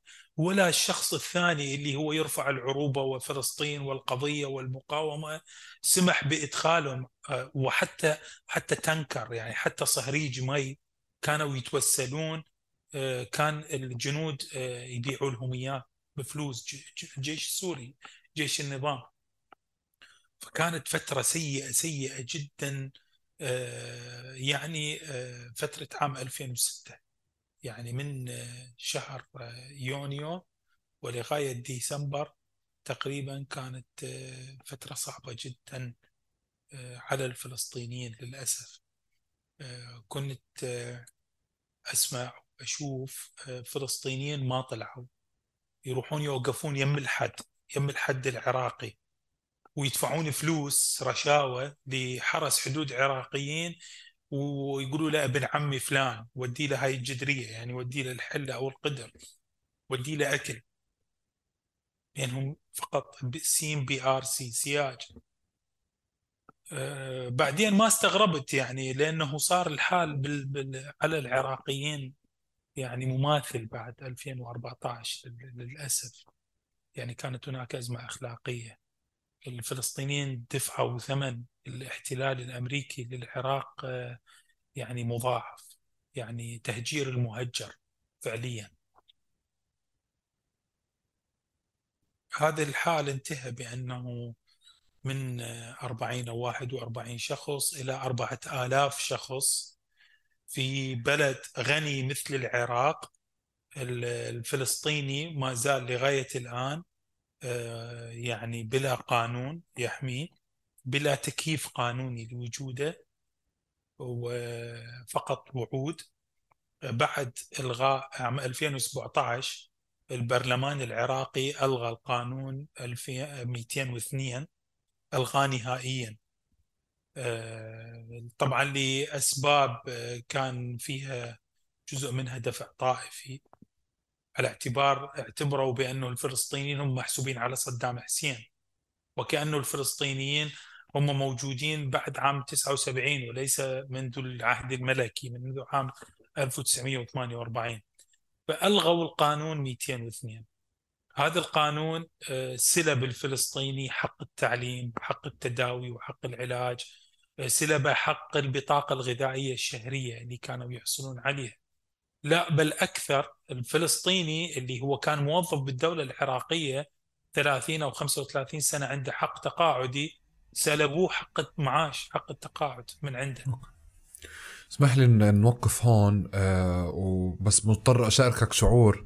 أنا دائما لما باجي بطلع على الفلسطينيين اللي برا أو يعني سواء نتيجة عيشتي برا أو لما بسمع روايات آه آه بشعر بكمان أذى يعني إضافي على إنه هدول ب 2006 إحنا كنا يعني كان في عندنا انتخابات بفلسطين كنا مشغولين بنهاية الانتفاضة قاعدين بنتابع سلام فياض بنحكي بتفاصيل كثيره ففي شعور لسه كمان يعني أنت بتقول آه بتذكر هذه القصة أنت ذكرتني فيها هلأ وكانت قديش إنه قصة ثقيلة بس ما بعرف ليه حتى ما أخذت حيزها بالجانب الفلسطيني. يعني من 2003 واطلع أنا عم بجرب يعني أأخر قدر الإمكان الحديث على 2003 وما بعدها. لأنه يعني هي عبارة عن قطع إحنا بنسمع أو بنعرفها بس هي شكلت مشهد كبير اليوم. وبنفس الوقت يمكن ما أخذت حقها ولا على مستوى قيادة فلسطينية. أنت بتقول لي جانب عراقي وجانب جانب سوري بس أنا لإلي حتى على مستوى فلسطيني أنت يعني تخيل إنه في قصة زي هاي آه، يعني ما ما انزرعت بأذهاننا كمان قصة آه، يعني تعتبر واحدة من المجازر أو واحدة من الجرائم اللي المفروض إحنا بأذهننا تضل حاضرة وموجودة بهذا الشكل. بس اسمح لي بدي أرجع مرة تانية لكتير ورا. آه، آه، لأنه أنا كمان في عندي محطتين 2003 وما بعدها رح نحكي فيها كتير. وكمان رح نحكي بقضية ما يتعلق بأحداث الكويت لأنه كمان في ارتباط للفلسطينيين فيها يعني على مستوى أكثر من رواية. بس بدي أحكي باكثر أسأل قبل آه، آخر سؤال ما قبل هدول المرحلتين أنت ذكرت لي بأكثر من سياق على آه، مشاركة الفلسطينيين حضورهم إنهم كانوا منتجين كانوا فاعلين كانوا حاضرين. آه، بتعرف بالعادة الجاليات بكل مكان يقال إنه هدول الجالية كانوا منتجين بكذا أو هدول تجار أو هدول مثلا كانوا يشتغلوا بالصناعة. هل في كان أي طابع لطابع أو أو أو تصنيف أو أي تخصيص لعمل الفلسطينيين في العراق مشهورين بكذا أو مشهورين بإنتاج شيء محدد؟ شوف آه، على المستوى العام قطاع التعليم آه، قطاع التعليم سواء التعليم الجامعي أو التعليم الثانوي. الفلسطينيين كانوا متصدرين. يعني أشهر الأساتذة الفلسطينيين على مثلا أستاذ الفيزياء كلمتك أحمد الحانوتي. أحمد الحانوتي هذا أصلا ألف ألف مناهج آه، بالدولة العراقية. آه، كان على سبيل المثال الاستاذ تمام. آه، أستاذ تمام أستاذ لغة يعني أعتقد لا عفوا رياضيات الرياضيات. كان في الأستاذ حميد. دولة شاركوا في كتابة مناهج الدراسة بالعراق في بغداد. واللي تعممت فيما بعد لوزارة التربية العراقية. كانوا ناشطين على مستوى وزارة التعليم ووزارة التربية. إضافة إلى أنه أبدعوا في مجال الحرفيات. يعني كان صاغة الذهب يعني صاغة الذهب والفضة اللي بالعراق إما صبة يعني من الديانة الصابئية أو فلسطينيين يعني كثير من عندهم.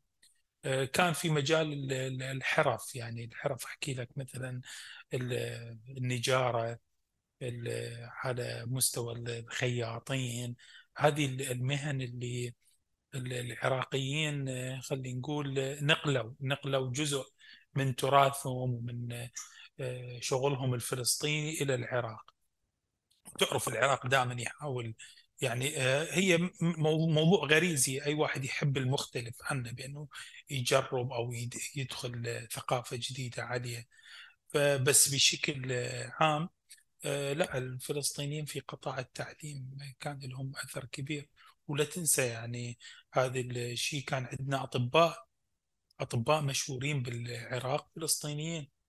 يعني أذكر منهم أستاذ الجراحه الأول الدكتور صباح آه، هذا جراح فلسطيني معروف في العراق وكان آه، يعني يقال بأنه كان أيضا في ديوان الرئاسة وكذا من لأنه تعرف هذه الأماكن الحساسة مو أي طبيب آه، يدخل ويعالج وغيره وغيره.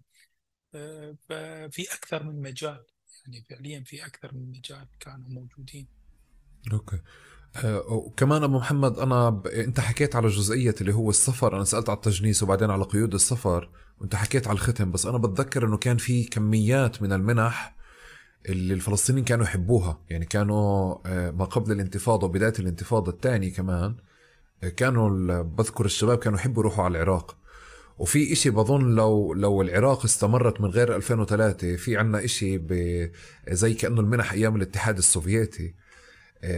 اللي راحوا درسوا بروسيا فهم زي هيك عاملين في إشي مشترك بينهم يعني زي آه، على مستوى سياسي وثقافي في أشياء اجتماعية مشتركة وزي إحنا اليوم اللي درسنا بمصر في شيء مشترك. العراق كمان من درس في مصر بفترات ما كانوا بكميات وبظن هدول إذا في هيك نقابة للخريجي خريجي البلاد رح يعملوا نقابة مهمة بفلسطين يعني. أي والله أي والله تدري يعني كثير كثير. آه، يعني في عوامل مشتركة. بالعراق بفترة من الفترات تعرف خاصة فترة الثمانينات آه، كان في أزمة موارد بشرية. يعني بالعراق فعليا في فترة الثمانينات تعداد الجيش العراقي وصل إلى مليون جندي على الجبهات مع إيران. فأعتقد هذا كان له أيضا آه، يعني عامل في إنه القيادة أو الحكومة العراقية آه، تعتمد على الفلسطينيين في مجالات كثيرة. آه، في مجالات الوزارات نتحدث يعني أنت تخيل على مستوى مثلا وزارة التخطيط أو وزارة الخارجية هذه وزارات سيادية آه، كان فيها فلسطينيين؟ يعني معروف في أي في كل الدول الوزارات السيادية تكون محصورة على أبناء البلد اللي هم حملة الجنسية. لكن بالنسبة لوضع العراق لا. في الخارجية وفي التخطيط وحتى في وزارة الدفاع آه، كانت تشوف فلسطينيين موجودين يعني بكثرة أيضا. فمسألة احتمال لعبة آه، مسألة الحاجة للموارد البشرية آه، دور طبعا المعروف يعني التوجه السياسي في العراق آنذاك كان الحس الأمني يثق في جنسيتين أكثر من غيرها اللي هي الجنسية الفلسطينية والجنسية السودانية. آه، لذلك حتى مسألة التعيين والعمل في المنشآت الحساسة آه، في درجة الموثوقية لأن كان حس العراق الخوف من مسألة الاختراق والغيرها كان دائما يشكل عامل رئيس في التعيين والتوظيف حتى على مستوى العراقيين. نفسهم. فكان الفلسطيني والسوداني أكثر الجنسيات موثوقة للمسؤولين العراقيين آنذاك. لذلك تشوف آه، مثلا آه، آه، وفد عراقي طلع الاتحاد السوفيتي أو اليوغوسلافيا آنذاك. هذه الدول الاشتراكية اللي كان العراق على علاقة بها طبعا الهند قبل الهند طبعا تعرف يعني الهند سابقا ليس الهند اليوم. الهند سابقا كانت مع القضية الفلسطينية قلبا وقالبا. فكان تشوف الوفود العراقية لهذه الدول بها كثير فلسطينيين موجودين. يعني وكانت يعني لما تسأل العراقيين يسميها أيام الخير أيام العز. ولما تسأل الفلسطيني يقول له الله على الأيام اللي آه، اللي راحت. آه، فعليا ما كان يعني ما كان آه، في تفرقة وما كان في جانب بأنه هذا جالية فلسطينية أو هذا فلسطيني أو هذا عراقي. وهذا الشيء ما نحسبه يعني إيجابية النظام الحكم السابق. يعني اللي صدام حسين أو لحسن أحمد حسن بكر أو لعبد السلام عارف أو قبل عبد الكريم قاسم. لا هذا الشيء كان موجود. من أيام الملك فيصل. يعني آه، من دخول وحتى قبلها يعني. إحنا كلمتك قبل شوية على آه، طريق اتش 3 اتش 1 و اتش 2 الاتش هو اختصار حيفا اللي هو كان أنبوب النفط العراقي اللي يروح إلى حيفا. لغاية الآن يعني قبل يومين أشوف آه، صفحة على الفيسبوك واحد يقول متوفر خط لنقل الطلاب آه، جامعة الأنبار من H 3 آه، إلى حديثة. H 3 يقصد طريق حيفا. ولغاية الآن هذا الطريق وفي مجمع اللي هو مجمع H 3 يعني حيفا 3 هذا ال H 3 يعني آه شلون أقول لك إياها؟ آه عقدة عقدة أنبوب النفط. اللي كان محطة استراحة في آه، عداد وفي غرفة مراقبة كميات النفط الطالعة. الأنبوب توقف بعد ما سيطرت العصابات الصهيونية على ميناء حيفا. وفعليا صار أنبوب النفط العراقي تحت سيطرتها العراق آه، بوقت الملك فيصل أعلن في بيان رسمي إيقاف تصدير النفط إلى فلسطين عبر ميناء حيفا نهائيا. بقى هذا الأنبوب ولا زالت بقايا هذا الأنبوب موجودة بالعراق. ما أعرف يعني مصيرها داخل الأراضي الأردنية إيش صار بس داخل العراق موجودة. ولغاية الآن العراقيين يستخدمون هذا التسمية سواء على الطريق أو على المناطق اللي يمر بها الأنبوب. آه، مرات آه، على سبيل النكتة وسبيل المزحة الفلسطينيين يقول لك إحنا نروح نوقف يم اتش 3 ورجال اللي يعبر. يعني من نقعد نتناكف. يعني أنا ابن الفلوجة هو ابن اتش 3 فهذا الترابط تاريخي. يعني أعتقد قرار صائب كان من العراق بأنه ما حصر الفلسطينيين في منطقة أو في مجمع واحد أو في مكان واحد. أعطاهم حرية روح وين ما تريد تقعد تقعد آه، وتسكن على حساب الدولة. فتشوف مثلا فلسطيني عجبه يسكن بالفلوجة آخر عجبه يسكن بالبصرة الثاني ببغداد آه، ناس بكربلاء ناس بالنجف.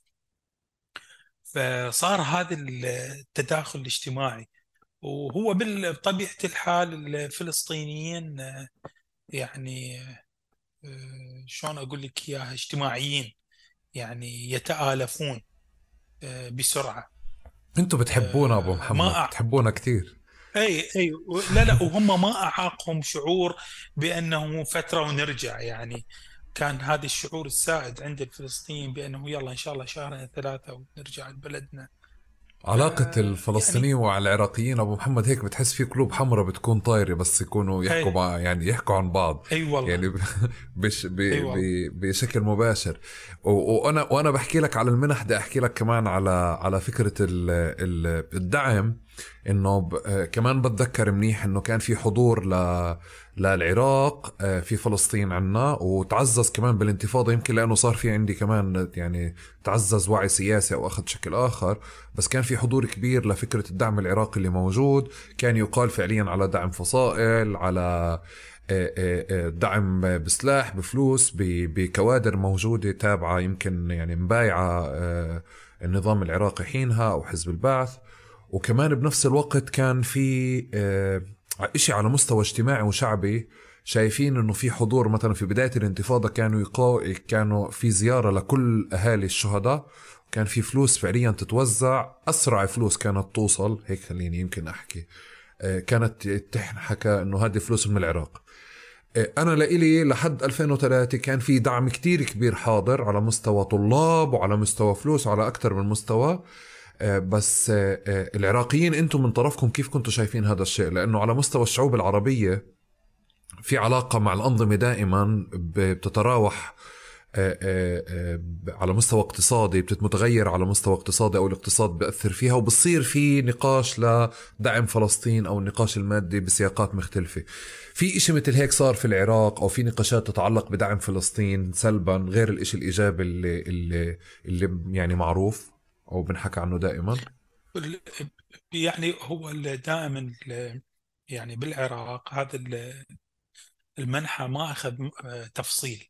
يعني على سبيل المثال الثمانينات كان يجي الراحل ياسر عرفات آه، كان يجي لبغداد وكان يجون قادة آه، الفلسطينية آخرين يجون إلى بغداد ويلتقون بصدام حسين ويلتقون بقيادات أخرى ويعقدون اجتماعات حتى على مستوى المخابرات العراقية تنظم اجتماعات آه، شخصيات فلسطينية مع أطراف أخرى في سبيل تنسيق الجهود وغيرها وغيرها. الدعم المادي كان موجود يعني العراق الدعم المادي للفصائل الفلسطينية آه، أو لفلسطين كان ينقسم إلى قسمين. أول شيء دعم للفصائل بشكل مباشر. سواء اللي كانوا موجودين بلبنان أو اللي موجودين داخل فلسطين أو اللي بالأردن آه، طبعا اللي موجودين بسوريا كان العراق آه، يعني آه، بحكم العلاقة المتوترة مع نظام الأسد كانت هناك إشكالية، إشكالية دائما بأنه إشكالية من قبل نظام الأسد. لأنه اللي موجودين بسوريا على سبيل المثال لما ينتقلون لغير مكان بيروحون للأردن يدخلون للعراق بدون ما يختمون جوازات سفرهم. وبالتالي نظام الأسد ما راح يعرف بانهم راحوا لبغداد ورجعوا. ففي تفاصيل كثيرة. الجزء الثاني من الدعم اللي هو كان موجه لغزة وللضفة ولمناطق أخرى لعوائل الشهداء اللي العصابات الصهيونية اللي تهدم بيته. كان أذكر مقدار المنحة 25 ألف دولار أو 15 ألف دولار لكل عائلة شهيد فلسطيني الصهاينة يهدمون بيته. كثير يعني حتى قبل أسبوعين ثلاثة أو أكثر. قبل رمضان اجى الزميل زميلنا من غزة ومراسل العربي الجديد ضياء كحلوت. وكان يكلمني عن أم فلسطينية بغزة. يقول يوم بليلة ورحنا عليها و... وطلعت لنا ورقة. قالت هذه شنية يعني الورقة وصلتني وكذا. فإذا هي صك يعني منحة من العراق اللي هي أم شهيد. آه الله يرحمه. آه بس حقيقة آه يعني ما كان هذا الموضوع مفتوح إلى ما بعد احتلال العراق للكويت وحرب الخليج وصارت نكبه العراق والحصار الاقتصادي. صار في آه، خطاب المعارضة خطاب المعارضة آنذاك المعارضين لصدام حسين استخدموا الفلسطينيين بشكل مبكر لتأليب الشارع العراقي على النظام. على سبيل المثال بأنه آه، صدام ينطي للفلسطيني 25 ألف دولار والعراقي جوعان صدام يبني للفلسطيني بيت والعراقي ما عنده بيت. بلش هذا الخطاب يطلع تحديدا من نيويورك ومن لندن وبعدين طلع آه، من آه، من إيران في سبيل ضمن الحجج. اللي يسوقوها للعراقيين. طبعا كان في إذاعة العراق الحر في براغ المعارضة العراقية بتمويل أمريكي فتحت إذاعة اسمها إذاعة العراق الحر من براغ وكانت توجه آه، برامج يومية للعراقيين واستخدمت الورقة الفلسطينية بشكل سلبي ومقرف للغاية. يعني آه، أذكر انتفاضة الأقصى بالتسعينات اللي صارت آه، أي سنة ما أعرف إذا تذكرني بيها. انتفاضة الأقصى 2000 2000 تحكي على الهبات اللي آه. الشهيد محمد الدرة. آه آه آه 2000 انتفاضة الأقصى. فصار العراق آه، أعلن العراق عن دعم دعم للفلسطينيين وسمى شارع اسمه شارع محمد الدرة في بغداد. آه، وعائلات الشهداء الفلسطينيين اللي دمرت منازلهم على العراق أنه راح يتبرع ببناء منازل للعوائل. فطلع برنامج كامل في إذاعة العراق الحر اللي كان يديرها أحمد الشلبي آنذاك آه، بأنه آه، ما معناه أما أنا للعراق أن يلتفت للعراقيين بدل الفلسطينيين بهذا التوظيف الخبيث. فبلش بأنه الفلسطيني باع أرضه الفلسطيني آه، آه، عايش أفضل من العراقي الإسرائيلي أرحم آه، بكثير من كذا وكذا وكذا. فبلش بخطاب تطبيع مثل ما نشوف حاليا هذا الخطاب موجود في بعض الدول أو بعض الأنظمة اللي طبعت مع إسرائيل. صارت تستورد مثل هذا الخطاب. صار إذاعة العراق الحر من براغ آه، بنفس هذا المعنى وبنفس هذا الأسلوب تتحدث بأنه النظام صدام حسين يعطي فلوس للفلسطيني والعراقي ميت جوع الفلسطيني بإمكانه يدخل لكذا دولة والعراقي لم يعد بإمكانه الدخول لكذا دولة. آه، الفلسطيني معزز في بلده ويأكل لحم والعراقي لا هل بهالسياق الشعبوي هذا. ف آه، إحنا بنحكي إحنا بنحكي على أي سنين؟ ألفينات وإحنا طالعين صح؟ هيك عم نحكي. آه، خلينا نقول من 1998 صعودا. okay okay. يعني okay. بدأ هذا الخطاب اللي استخدمته المعارضة اللي موجودة حاليا بالحكم. ومن ضمنهم. طبعا اللي يدعون حاليا الممانعة أو المقاومة اللي هو فيلق بدر آه، بزعامة هادي العامري. واللي كانوا أيضا يتبنون فكرة بأنه كل فلسطيني بعثي وإن لم ينتمي. أول من رفع هذا الشعار اللي كان في تحريض على قتل الفلسطينيين وتهجيرهم من العراق هي منظمة بدر اللي طبعا هي عكست شعار أو مقولة قديمة آه، تقول كل عراقي بعثي وإن لم ينتمي منظمة بدر وجهت عناصرها قالت لهم كل بعثي آه، كل فلسطيني بعثي وان لم ينتمي. يعني يقصدون ببعثي صدامي معناها هذا دم حل واملاكه حل وهذا آه، من الممكن بأنه أنت تنتهك حقوقه بأريحية. فصار التحريض على الفلسطينيين من هالباب هذا. لذلك بس كشعب عراقي آه، لا يعني كان يشوف الموضوع بأنه دعم الفلسطينيين ذولا ناس آه، مضطهدين محتلين آه، في مؤامرة عليهم. كان موضوع لم يكن ديني فهو إنساني وأخلاقي. وهذا الشيء العراقي استعمله ويا السوري. يعني تعرف كثير من أهل حما وأهل حلب السوريين اللي فروا من نظام الأسد صاروا بالعراق ببغداد. بالثمانينات وأيضا كان العراق يدعمه آه، وكان أيضا الموضوع نفسه موضوع عندنا مجاهدي خلق. كان أكثر من ستين ألف إيراني من منظمة مجاهدي خلق جماعة مسعود رجوي وغيرهم بالعراق في في ديالا وفي بغداد وفي الأنبار. وأيضا كانوا موجودين يعني بطبيعة العراقي يعني آه هذه الأمور ما تعني كثيرا يعني بالنهاية بأنه قرار دولة وهو عايش وخلص يعني بلد. آه لكن للأسف يعني استخدم. أوكي. آه، آه، صار استخدام قبل 98 بسياق أحداث الكويت؟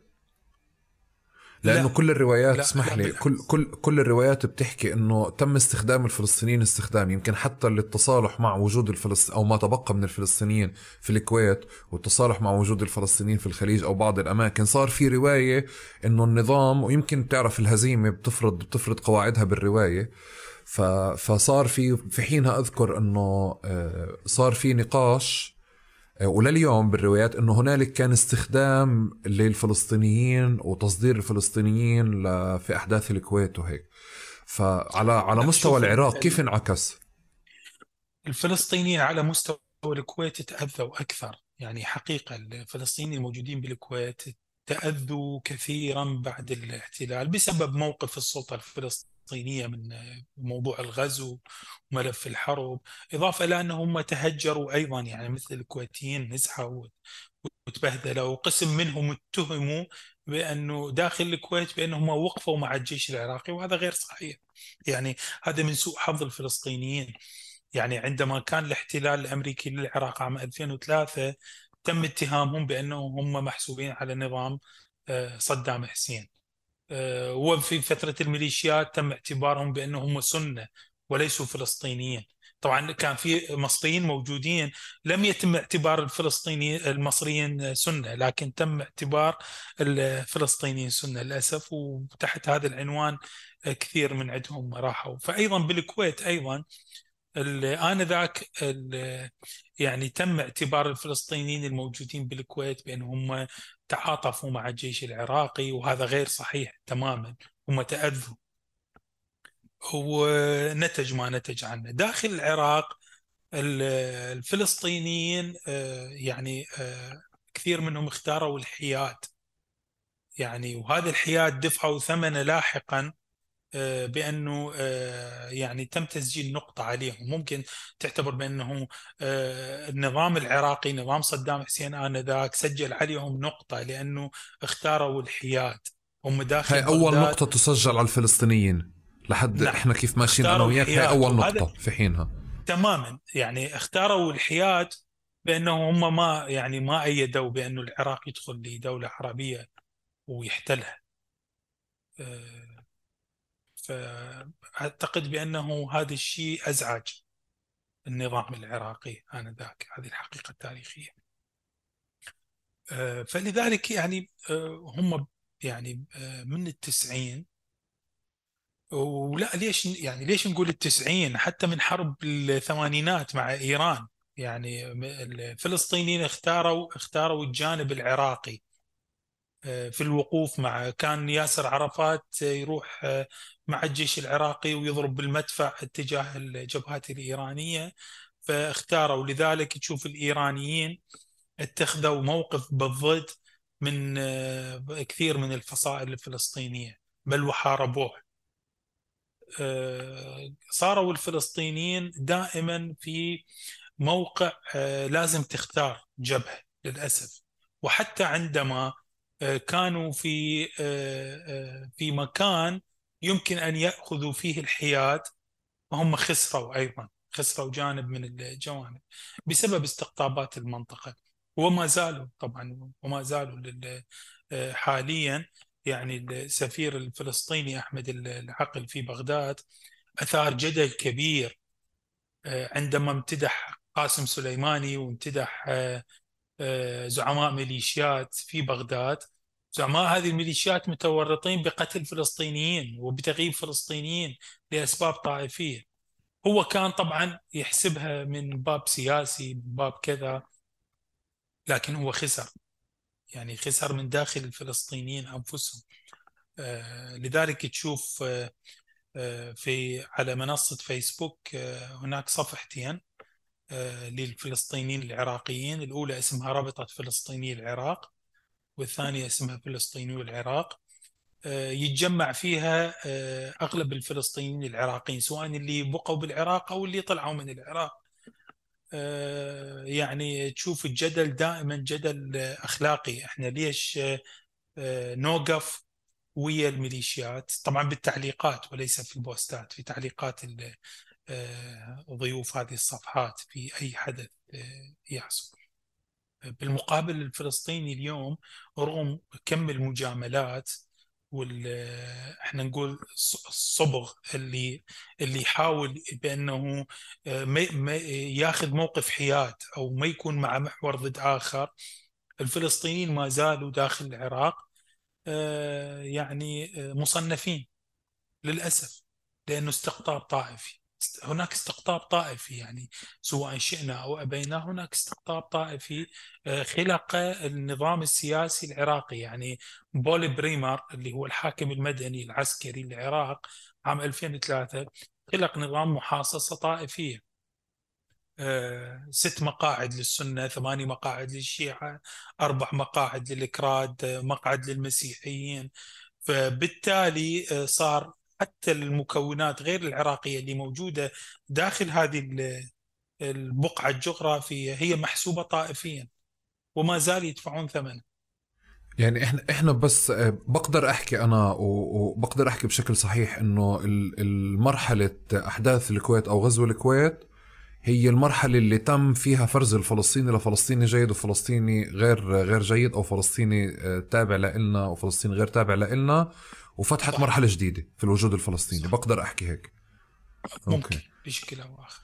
okay. وبنحكي على كتل ولا بنحكي يعني آه بنحكي على أعداد كبيرة؟ شخوص. لا لا. شخوص آه محددين. ما كان اي ما كان كتل ما كان آه تشخيص مواقف. والمواقف هي فقط فقط من أخذ الحياد مش من عارض. آه لا ما كان حد يقدر يعارض يعني. آه آه بالنهاية. كانت الم... يعني حتى لن نروح بعيد يعني. كان مسألة المعارضة يعني خيار غير متاح سواء للفلسطيني أو العراقي.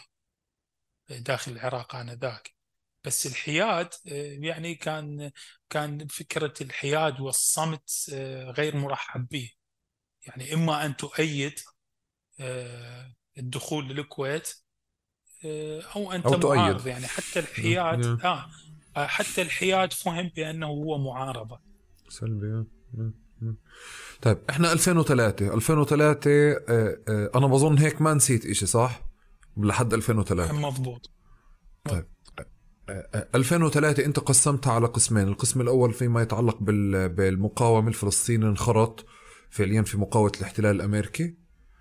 وشيء تاني المرحلة الثانية آه، بنفع أقول هيك أو لا عم بجرب أسأل. المرحلة الثانية فعليا آه هي المرحلة اللي صار جزء من أحداث الطائفية.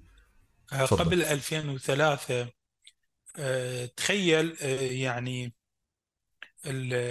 يعني قبل 2003 بعدة أشهر يعني كانت بغداد أمان ما في شيء حدثت عملية آه، عملية إرهابية.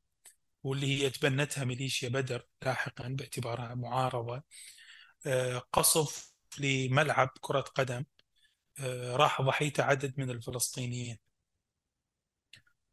اللي أعتقد كان لاعب آه، فريق بغداد اسمه غيث أو غياث فلسطيني استشهد سقطة قذيفة هاون على ملعب هو أصلا مخصص لنادي أعتقد اسمه الكشاف أو نادي حيفا نادي حيفا الفلسطيني واستشهدوا به. أنا كنت بالجامعة أتذكر في وقتها.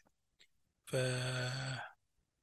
تخيل يعني فكرة بأنه إدخال المعارضة آنذاك واللي هي طبعا حاليا بالحكم ملف الفلسطينيين بالعراق كملف سياسي وليس ملف حقوقي أو ملف إنساني أو ملف أخلاقي من قبل سقوط بغداد. يعني بحيث حتى لما كانت تحاول التحرض آه، على بأنه العراق يمتلك أسلحة دمار شامل واللي هذه بعدين تبناها محمد البرادعي للأسف آه، دخلوا وفتشوا موقع البلديات موقع موقع سكني فلسطينيين بي قالوا بأنه في موقع البلديات للفلسطينيين اللي هو المشتل طبعا هناك آه، أسلحة دمار شامل مخازن لأسلحة دمار شامل ودخلت فريق الأمم المتحدة وهانز بليكس بوقتها المفتش كبير المفتشين أعتقد اسمه هانز بليكس آه، دخل دخل فتش بيوت الفلسطينيين. وبعدين تكتشف بأنه هذا كان ضمن تحريض وطبعا المعارضة العراقية آنذاك يعني معارضة بين قوسين.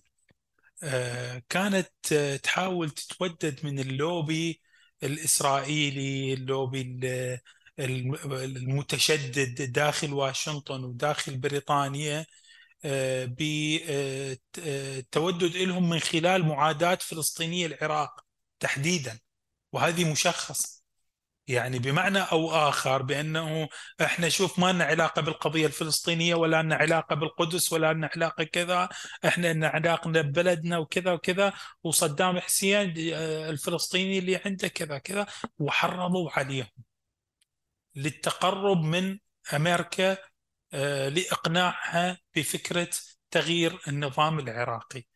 حتى بهذه النقطة آه، تدخلوا بهذا الشكل ونتفاجئ بأنه آه، هانز بليكس والمفتشين الدوليين ما راحوا دخلوا لمنشأة عسكرية أو منشأة مغلقة رئاسية راحوا لمجمع الفلسطينيين ودخلوا فتشوا لأنه في شكوك بوجود أسلحة دمار تخيل. والله ابو محمد هاي مشكلة المعارضات العربية دائما يعني كل فترة وفترة يعني هي شكل متلازمة المعارضات العربية. إذا في نظام يستخدمون آه بيستغل آه يعني إذا في نظام بيستغل أو مبايع ف... أو مبايع فلسطين أو بيستغل فلسطين لأجندته بتحس إنه زي كأنه نزع الشرعية عنه من خلال إنه أنا آه، آه، أخبط الفلسطينيين أو أتقرب لإسرائيل. يعني زي كأنه ممكن ياخذ شرعية فعليا بإنه يتقرب لإسرائيل يعني. يعني ما بعرف كيف تمام. إشي مؤذي إنه السنين إشي مؤذي إنه حتى بالثورات العربية آخر سنين كمان بتسمع بكل بلد في اجتهاد أو في معارضة ما اللي هي بتحاول تعمل نفس السلوك اللي أنت قاعد بتحكي لي عنه فعليا. إنه محاولة التقرب من من جهة ما أو محاولة مبايعة جهة ما. طيب أنت أنت في المرحلة اللي بتحكي لي عنها ال 2003 هلأ مرحلة المقاومة العراقية ومرحلة آه، ومرحلة الطائفية. أنا لإلي المقاومة العراقية أظن غطيت لي إياها أو ساعدتني بأنه أفهم إنه الفلسطيني كان منخرط فيها بالكامل. هو كان يعني كان اوريدي جزء من من الحالة اللي موجودة وبطبيعة الحال رح يكون جزء من المقاومة. في أي حالة خاصة هون ممكن أنا لازم أعرفها بهذا السياق؟ لا شوف يعني هنا ضروري أوضح فكرة بأنه الجالية الفلسطينية انخرطت بالمقاومة العراقية أو حتى فيما بعد ما تسميه يسموه الأمريكان بالإرهاب هو خطأ غير صحيح. الفلسطينيين هم أصلا يعني آه، ولدوا وعاشوا في هذه البلد وهم ضمن النسيج. بس آه، تم حشرهم تم حشرهم سياسيا. أول من حشرهم سياسيا في هذا الموضوع في مؤتمر صحفي لجون أبو زيد. جون أبو زيد كان يريد يحاول يأكد مقولة بوش بأن العراقيين راح يستقبلون بالورود. فلما صارت المقاومة العراقية آه، وطلعت من الفلوجة ومن الخادية ومن الأعظمية ومن مناطق أخرى من تكريت ومن الموصل وغيرها كان يريد يوحي بأنه هذول اللي رافضين وجودنا مو عراقيين. فقال بأنه ذولا آه، مجموعات من المقاتلين العرب اللي استخدمهم صدام حسين إضافة إلى الفلسطينيين. فألقى هذه التهمة بينما بالحقيقة لما نجي آه، بالواقع يعني الفلسطينيين كونهم عرب ولمحاولة آه، يعني فهم بأنه العراقيين يرحبون بالأمريكان والعراقيين يرحبون بإسقاط نظام صدام حسين. إذا فالمقاومة هذه ليست كلها من العراقيين بينما المتطرفين أردنيين وسعوديين وسوريين وفلسطين وكذا وكذا وكذا. فباعتبار بأن الفلسطينيين لهم تواجد السوري أو السعودي أو الأردني اللي دخل بمفردة كان غير معلوم المكان أو غير معلوم الوجود بس الفلسطيني موجود بيته ومحله ودكانه وشارعه وحيه وأهله وناسه فصاروا لقمة سائغه للاعتقالات. اعتقالات الأمريكان آه، تعذيب انتزاع اعترافات بالقوة آه، قلة قلة من الفلسطينيين اللي هم صاروا فعليا مع المقاومة العراقية. الأغلبية يعني تم اتهامهم بالمقاومة وبالإرهاب لأسباب إما طائفية أو أسباب سياسية. يعني تخيل مثلا على سبيل المثال فلسطيني عنده في قبل كان الفلسطيني حق له يتملك. فلسطيني ساكن في بيت ركن على شارعين في منطقة راقية في بغداد. المتر آنذاك كان يسوى 10000 عفوا 1000 دولار. المتر سعر المتر السكني الواحد. شلون يطلعوه من عنده؟ شلون ياخذوه؟ شلون كذا كذا كذا كذا. جاء واحد من الميليشيات قال هذا إرهابي. الرجال ما له علاقة لا بالإرهاب ولا آه، رجل تاجر. تاجر آه، آه، في السوق العربي. هذا السوق العربي سوق معروف في بغداد بهارات وبخور وكذا وهذه المواضيع. تم اعتقاله بعد اعتقاله سلموه للشرطة الاتحادية المهم تم تصفيته رجل قتل. بعدين خطف ابنه وساوموا على خطف الابن بأنه يترك البيت. بطريقة ملتوية بأنه انطينا مئة ألف دولار زوجته ما عندها فلوس تعطي حتى تفك ابنها جاء شخص ثالث أنا أشتري البيت منك وادفعي أشتري ابنك راح يقتلوه. باعت البيت بثمن بخس وبالنهاية حتى تفك سراح ابنها. فتحت حجة الإرهاب. آخر عنده محل تجاري مثلا نفس الموضوع. آه، آخر هو ضمن وزارة على لجنة مشتريات. آه، تم مساومته أنت إرهابي أنت كذا حتى يطلع حتى يهرب حتى ياخذون مكانه. آه، تشوف طلعوا الهجرة الأولى بسبب التنكيل من الأمريكان ومن الميليشيات. طلعوا من بغداد من المناطق المختلطة وصاروا يتركزون في الموصل في الفلوجة في تكريت. الفلسطينيين هناك صاروا يتركزون لأنه باعتبار البيئة والحاضنة آه، ما راح يلقون بها ميليشيات. فعلى الأقل يكونوا متواجدين في مناطق أقل خطورة إذا صح التعبير. استمر تواجدهم لفترة طويلة وللأسف يعني كان دخول داعش القاصمة اللي آه، كانت مؤذية جدا آه، خلال فترة النزوح من هذه المدن نزحوا الفلسطينيين مع العراقيين من مناطق داعش وأيضا تعرضوا للتهجير وللتنكيل ولعمليات قتل وعمليات اعتقال. لا حصر لها. كثير من الفلسطينيين ولعل هذا الموضوع أول مرة تسمعون به موجودين من فلسطيني العراق موجودين في ريف إدلب الشمالي الشمالي السوري المحرر حاليا. آه، اكتشفتهم في الزلزال الأخير اللي صار بجنوب تركيا وشمال سوريا. آه، في آه، طيب أنتم جابكم هنا؟ خير يعني. قالوا إحنا من صار داعش والنزوح خفنا ننزح لمناطق وجود التحالف الدولي والبيشمركة والميليشيات وقسد وغيرها. ففكرنا ندخل سوريا ومن سوريا نعبر تركيا فبالفعل عبروا من الأنبار آه، للبوكمال لدير الزور. بعدين طلعوا على الطريق الخارجي وصلوا إلى إدلب في سبيل بأنه يوصلوا للريحانية ويدخلون إلى تركيا. بذيك الفترة الأتراك آه، كان الدخول فقط للسوريين. ذولا أشخاص ما عندهم لا مستمسكات وما يعرفوهم. لا هم عراقيين ولا هم فلسطينيين ولا هم سوريين. ما عندهم أي مستمسك. فعلقوا في مناطق بحارم وعزاز موجودين المساكين هناك. قسم منهم دمرت منازلهم بفعل الزلزال وسكنوا بمخيمات. وهم موجودين إلى جانب فلسطيني سوريا وعراقي سوريا اللي نزحوا بعد الاحتلال ولقوا نفسهم في حاليا في مخيمات في إدلب. فالمأساة مركبة يعني فعليا. كبيرة انت ب... وانت بتحكي بضل أتذكر إنه هم بالآخر بأحسن الأحوال هم تقريبا 41 ألف بس كل مرة بتذكر لي كل شوي بتذكر لي دولي فبفكر ال 41 ألف هدول كم مرة تشتتوا وكم مرة صاروا موزعين وكم مرة وكم دولة فعليا حوتهم زي كأنك بتحكي على مئات الآلاف يعني. إنه حجم الدول أو حجم التوزيع اللي صار عليهم. بس عشان أنا أتأكد منك أنا في في الحالة لما أنت قلت إنه لم ينخرط الفلسطينيين هذا فعليا إشارة وإجابة على فكرة إنه محاولة التوظيف أو رد على توظيف السياسي بمعنى اللي هو حصر الفلسطينيين كفئة خارجة عن المكون العراقي والإشارة لهم على إنه اللي هو سبق 2003 والإشارة لهم على إنه مسؤولين عن عمليات أو فعل أو أو أو تحميلهم مسؤولية لتسهيل فعليا نزع الشرعيه عن النظام وكمان تسهيل استهدافهم. بهذا الشكل عم نحكي صح؟ بس هم جزء من المكون العراقي.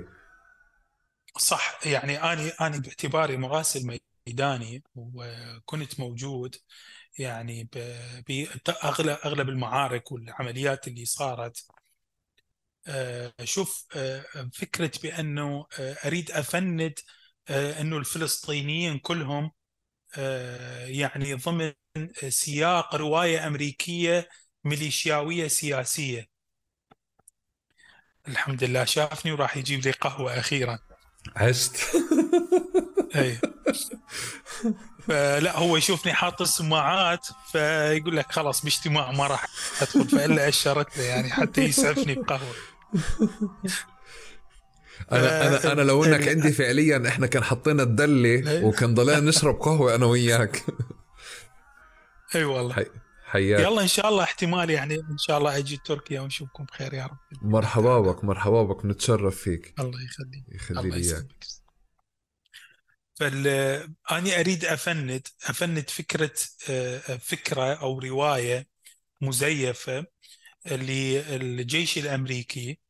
ولأيضا للإعلام أو آه، سياسة تبنتها الأحزاب العراقية بعد الاحتلال أحزاب الحكم أقصد بها بأنه كل الفلسطينيين بالعراق آه، مع التنظيمات المسلحة وكل الفلسطينيين في العراق ومن يحكي لك يقول لك آه، يعني آه، انتحاري فلسطيني. هو أصلا يعني صارت عمليات انتحارية في بغداد الانتحاري تناثر إلى أشلاء ومباشرة قال لك فلسطيني من مجمع البلديات. آه، صارت عملية انتحارية على سبيل المثال في جامع براثة بعد خمس دقائق أقل من خمس دقائق بعد حتى ما تم انتشال جثث الضحايا ولا وصلت الشرطة إلى المكان. مباشرة طلع مسؤول آه، نائب بالبرلمان قال لك الانتحاري فلسطيني يعني تخيل مستوى الشيطنة آه، بهالإطار هذا. آه، لما تسمع ذوي الضحايا بالعملية الانتحارية يقول يسمع هذا النائب يقول لك الانتحاري فلسطيني وهو أساسا يعني لم يتم انتشال جثث الضحايا. ولم يتم انتشال أشلاء الانتحاري ولم تصل thank you thank you عزيز. ولم يتم انتشال يعني ولم تصل الشرطة أصلا. ويطلع هذا النائب اسمه جلال الدين الصغير مباشرة يقول لك الانتحاري فلسطيني. وبعد ساعات يتم مهاجمة آه، بيوت فلسطينيين داخل بغداد. هذه شيطنة. ويعني آه، آه، لا قد تكاد تكون مشاركة في عمليات قتل للفلسطينيين حتى عمليات انتقامية في ذلك اليوم. لما تصير عملية على قاعدة فالكون أو قاعدة المزرعة الأمريكية ويقتل أربعة أو خمس جنود أمريكان ويطلع آه، آه، متحدث أمريكي ويقول لك أشخاص لهجتهم غير عراقية. وأتوا من كذا كذا كذا. إشارة إلى أنه ذولا فلسطينيين. فالفك آني يعني حريص بأنه أفند رواية بأنه الفلسطيني يا ناس الفلسطينيين كانوا في العراق إما تلقى معلم أو أستاذ أو طبيب تلقاه عراقي جامعي ما أنا أنا أنا اللي أنا اللي حاولت أرجع بالضبط. أسألك عنه بالضبط. انه الفلسطيني في العراق هو عراقي انشغل عليه ما قبل 2003 بطل عراقي على مستوى الإعلام إنه فعليا لا لا إنه أنت تلاقي شماعه تعلق عليه ومثل ما شفنا فعليا إنه وقت مثلا آه، فترة الانقلاب في في في مصر 30 6 كيف صار الفلسطيني آه، درب مش عارف إيش ودخل سلاح الفلسطيني وحفر نفق وطلع ووصل قصر الاتحاد كل هذه السياقات يعني أبو شهاب إحنا بالعراقي أحمد أبو شهاب. يعني كل أحد لازم أبو شهاب. خلص أنا أبو شهاب. فالفكرة الفلسطيني مو بس هذه يعني من الكارثة مع التأليب الطائفي والسياسي والتقرب للأمريكان والتقرب للبريطانيين باستعداء الفلسطيني بالعراق الفلسطيني لم يجد مدافع عنه يعني لا لقى مدافع من الأحزاب اللي بالعراق ولا لقى مدافع من السلطة الفلسطينية. يعني آه، ما فد يوم سمعنا بأنه آه، مسؤول من السلطة. وصل لبغداد وقال لهم يا ناس خيركم يعني إيش بدكم ويا الفلسطينيين؟ يوميا خمسة ست جثث لفلسطينيين بالعراق. يوميا 30 40 واحد معتقلين. ليش؟ ما تريدوهم جيبوهم.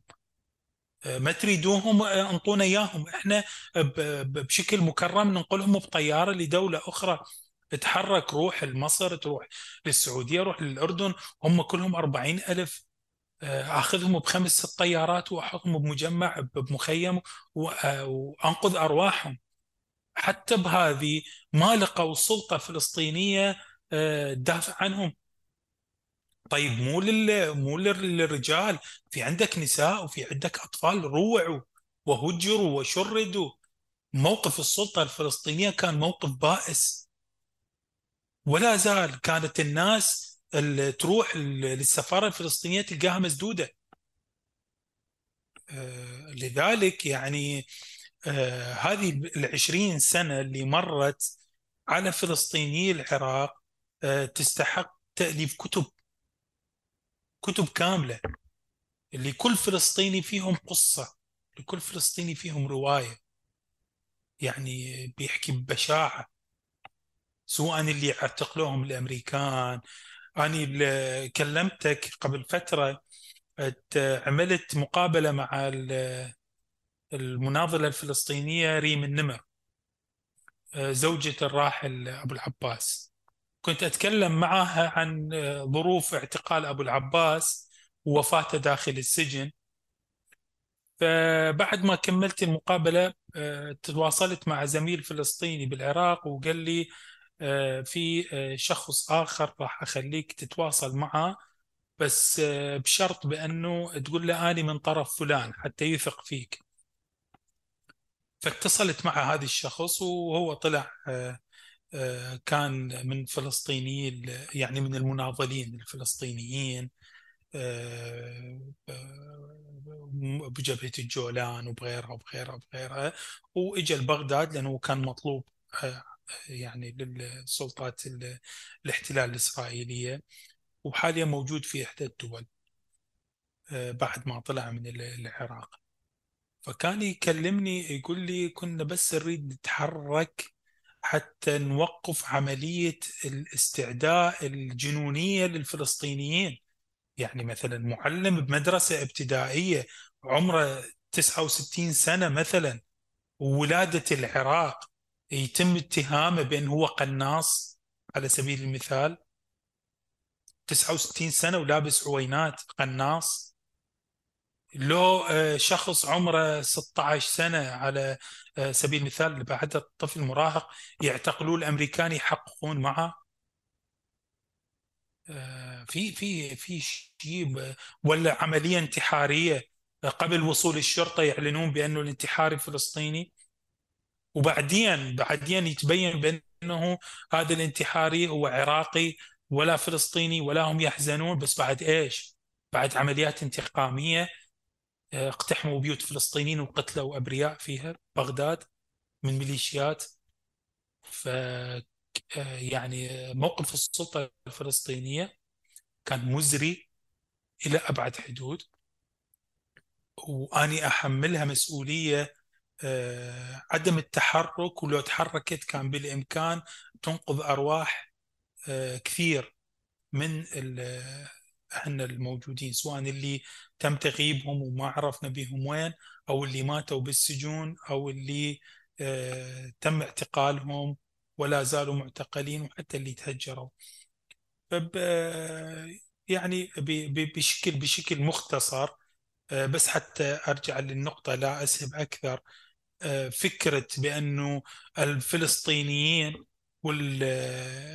والحمل السلاح بهالمصطلح العام فكرة الفلسطينيين وحمل السلاح بعد 2003 آه، فكرة آه، أو فرية أمريكية ميليشياوية بامتياز آه، يعني لا أساس لها من الصحة. يعني لما تتحدث عن 41 ألف إذا بالنهاية في ثلاثة أو أربعة يقتنعون بفكرة الانضمام لفصيل من فصائل المقاومة فهذا يعني لا يعني بأنه لا يعني شيء هذا الرقم. أوكي. ما بعد ما بعد آه، آه، المشهد المركب خليني أقول بس هلأ في الطائفي اللي موجود في في العراق الفلسطينيين صاروا سنه بطلوا صاروا فلسطينيين بمرحلة 2003 بطلوا عراقيين. صح. بعدين صاروا سنة okay. صح. وفي مشهد تعرف طائفي يعني بيحتاج الواحد مي آه، عراق 101 عراق 102 عراق 103 ليدرسه عشان يفهم الحاله اللي موجودة اليوم. بظن أنت إذا بتغيب أصلا عن الأخبار أسبوع أو أسبوعين بدك ترجع يوم عشان يعني آه، آه، تسترد أو تعوض فعليا شو نقص عليك يعني زي كأنها محاضرات مكثفة. إي والله. الوضع العراقي. الله يعطيكم ألف عافية. بنفع أنا تفهمني اليوم الفلسطيني كيف صار سني وشو هذا التناقض اللي موجود بقضية ادعاء آه، يعني الادعاءات الفلسطيني ادعاءات بعض الميليشيات أو بعض الفصائل مبايعتها لفلسطين وحبها لفلسطين ولكن بتحبش الفلسطينية. شوف هنا يعني هذا من الانفصام بالمشهد العراقي. آه، قلت لك التحريض آه، يعني اللي بلش بعد 2003 آه، نظام صدام حسين هو نظام غير طائفي. يعني بالنهاية نظام يساري علماني بعثي استضاف مجاهدي خلق اللي هم الشيعة واستضاف الفلسطينيين. ضمن سياق لكل قصة سياقها بس بالنسبة للسياق الفلسطيني سياق قومي عروبي.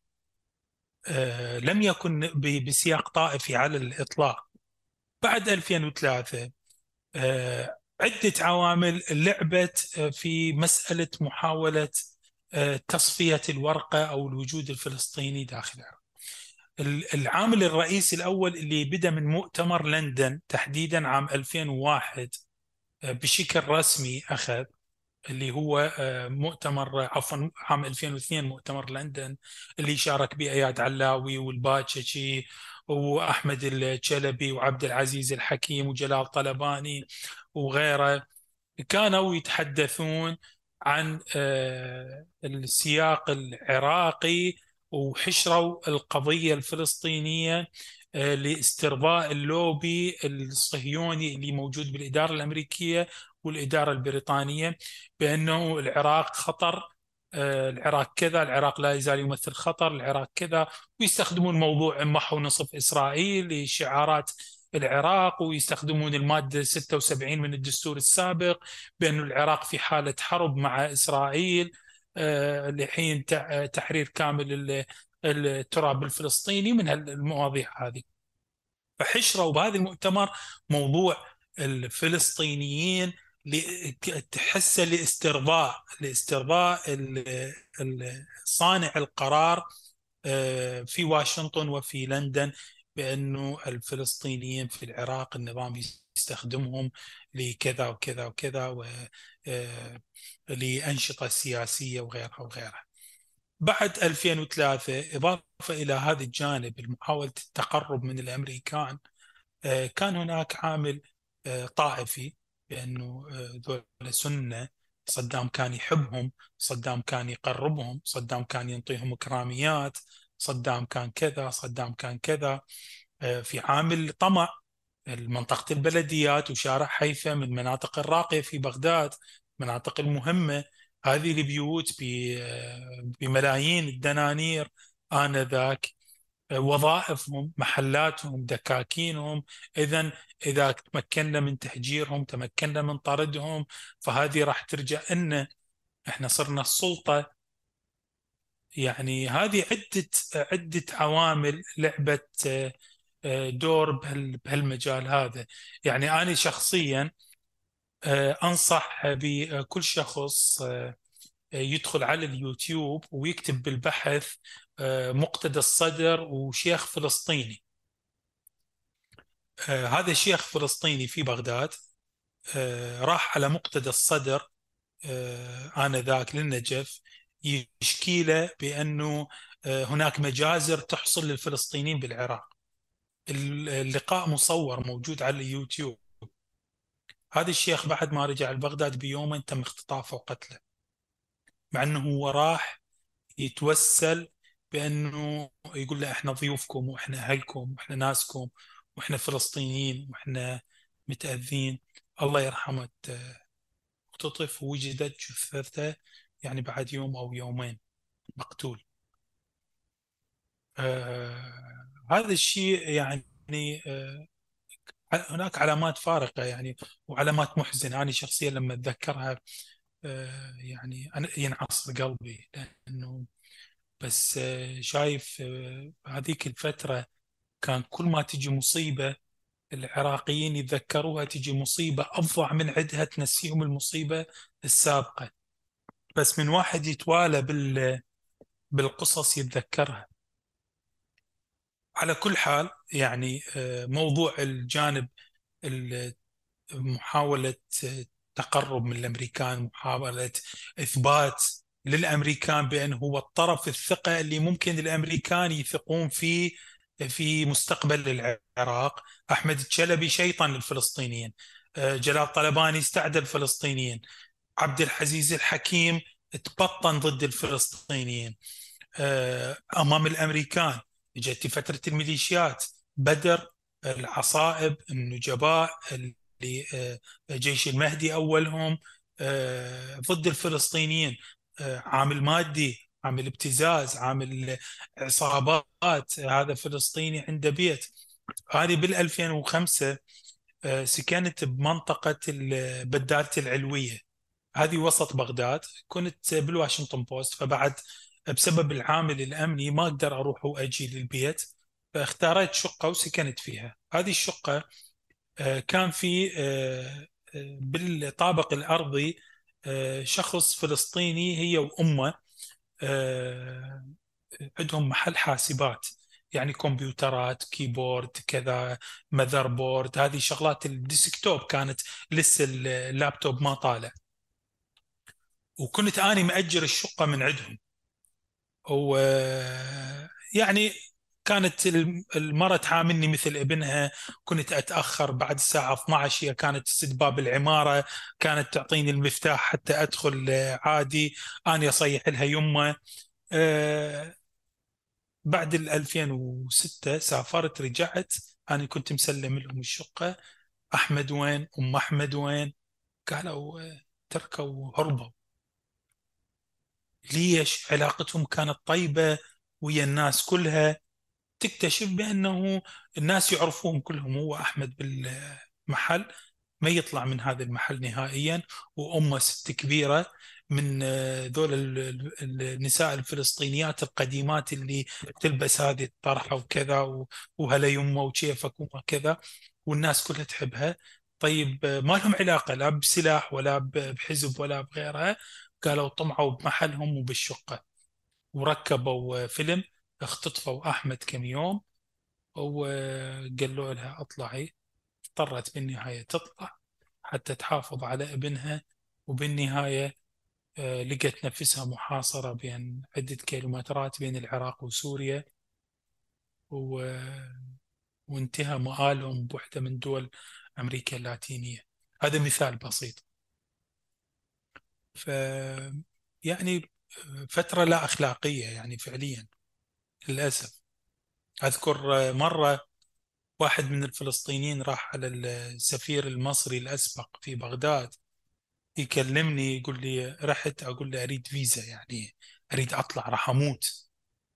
يعني ف يعني إحنا عندنا توجيهات بأنه الفلسطينيين اللي بالعراق ما نعطيهم فيزا.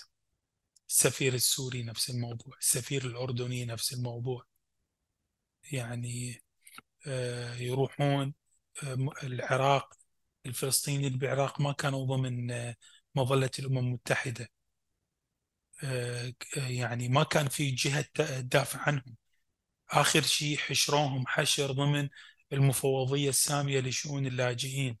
المفوضية السامية لشؤون اللاجئين للأسف كان فيها أشخاص عنصريين جدا وتعاملوا بفوقية. آه، مع الفلسطينيين سواء الأجانب وحتى كان في بعض الأشخاص عرب للأسف بهذه المفوضية. آه، كانوا الفلسطينيين يجون الساعة خمسة أو الأربعة الفجر قبل ما تطلع الشمس يوقفون بالطابور آه، بس في سبيل حتى يحصلون الرقم وحتى يدخلون وحتى يكونون ضمن حماية المفوضية. وهذه المفوضية بالأخير بالأخير يا صديقي يا أبو شهاب آه، تعاملت آه، مع الفلسطينيين بأنه حرمتهم من البدلات الإيجار اللي كانت تمنحها لهم. و... ولما راحوا عليهم قالوا لهم نريدكم تتوسطون عند الحكومة بس نعرف ولدنا وين زلمنا وين. يعني بهاللهجة العراقية. إحنا آه، أخذوهم من بيوتنا تم اعتقالهم من بيوتنا وعندنا إثباتات بأنه اعتقلوهم الجيش أو اعتقلوهم الشرطة أو اعتقلوهم فلان فصيل. نريد بس نعرفهم إذا أحياء حتى نطالب بهم وإذا أموات حتى نقرأ عليهم الفاتحة. المفوضيه تقول إحنا ما لنا علاقة. ومن المفارقات على ذكر موضوع المقاومة وغيرها وغيرها. السنة اللي فاتت ينادي مكنا ينادي مكنا زعيم الكتلة المسيحية في البرلمان آه، هو تصدى لملف المسيح الفلسطينيين في بغداد. تخيل هذا النائب المسيحي اللي هم أقلية بالبرلمان آه، أعلن بأنه هو تبنى قضية تصحيح وضع الفلسطينيين في العراق وقدم طلب بأنه أنتم ألغيتوا القانون 102 اللي ينظم وجودهم.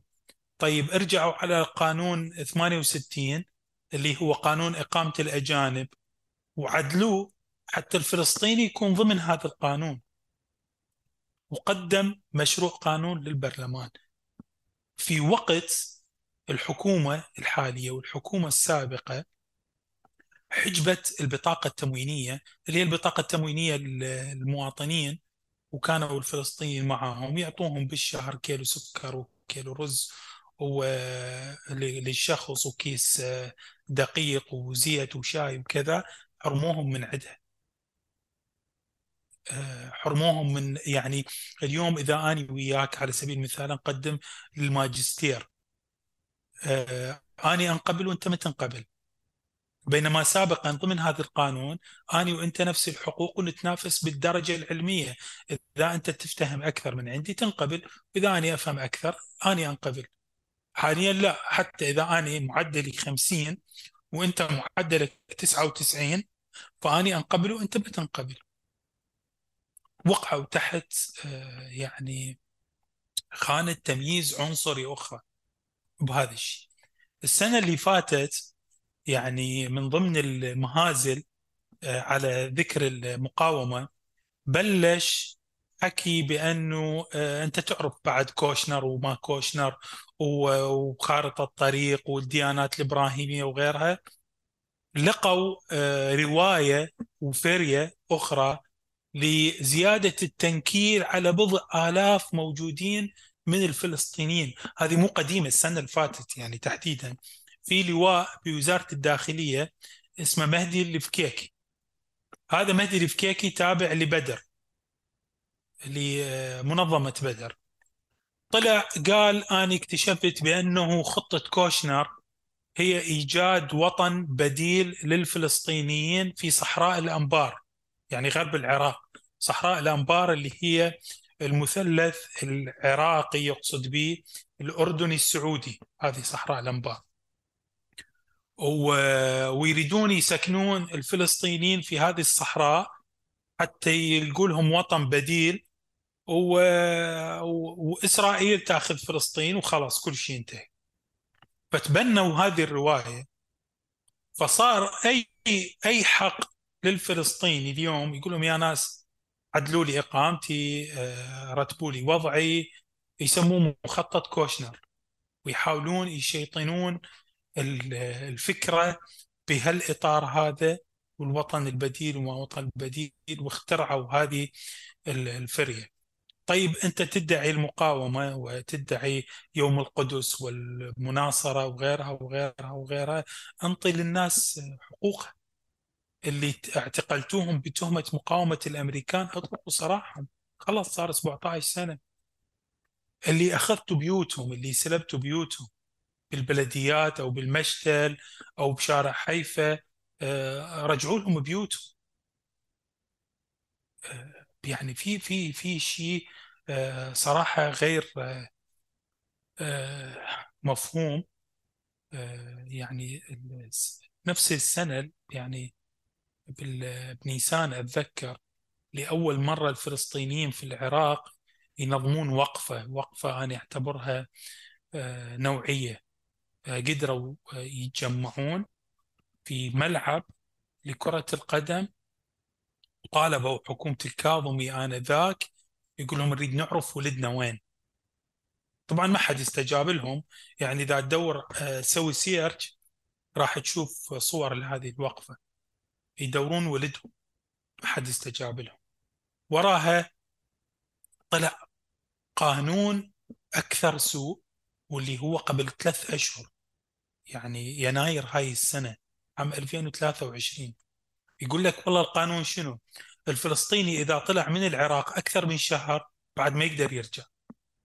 يعني الفلسطيني اللي يطلع يتعالج بتركيا ويبقى أكثر من شهر بعد ما يدخلوه. اللي من فلسطين يريد يروح يكمل دراسته ويبقى أكثر من شهر بعد ما يرجعوا يعني تخيل آه، لك حق تسافر بس إذا تبقى أكثر من 30 يوم ما مسموح لك ترجع. لذلك أعرف آه، أخوة فلسطينيين حاليا بتركيا عالقين ما يقدروا يرجعون. طب أبو محمد إيش بدهم؟ يعني آه، بتعرف هيك الواحد بتعصبن شو بدهم؟ يعني في في مرحلة سياسية ما صار في استخدام. شو بدهم اليوم القصد؟ اليوم. يعني بمرحلة ما بدي أجي أبرر.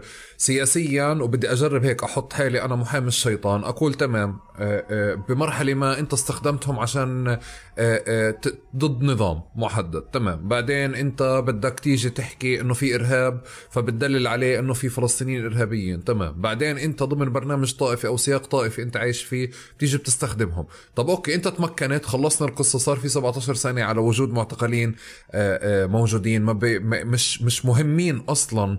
يعني ما فيش ما سمعناش إحنا بفلسطين ولا ولا ولا على مستوى عربي إنه في مقاتل فلسطيني يعني آه، آه، كان كان ماهر فعليا بالتفجير ولا بالتفاصيل ولا بالقصص اللي ممكن أعتبره واحد من المعتقلين اللي موجودين يعني. بس حالة التعميم هذه اللي موجودة. هلأ أنت عم تحكي صار في بالي سؤالين يعني.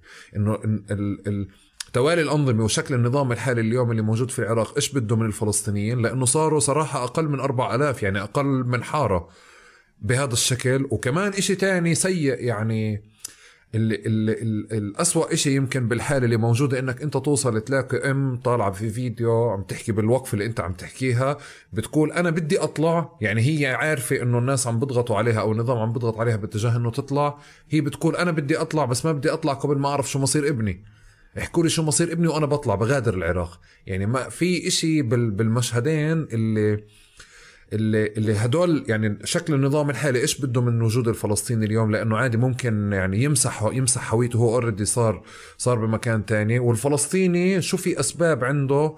يعني غير قضية إنه بده يعرف مصير ابنه شو في أسباب اليوم اللي تخليه أصلا موجود بالجحيم هذا؟ يعني آه خليني البلديات.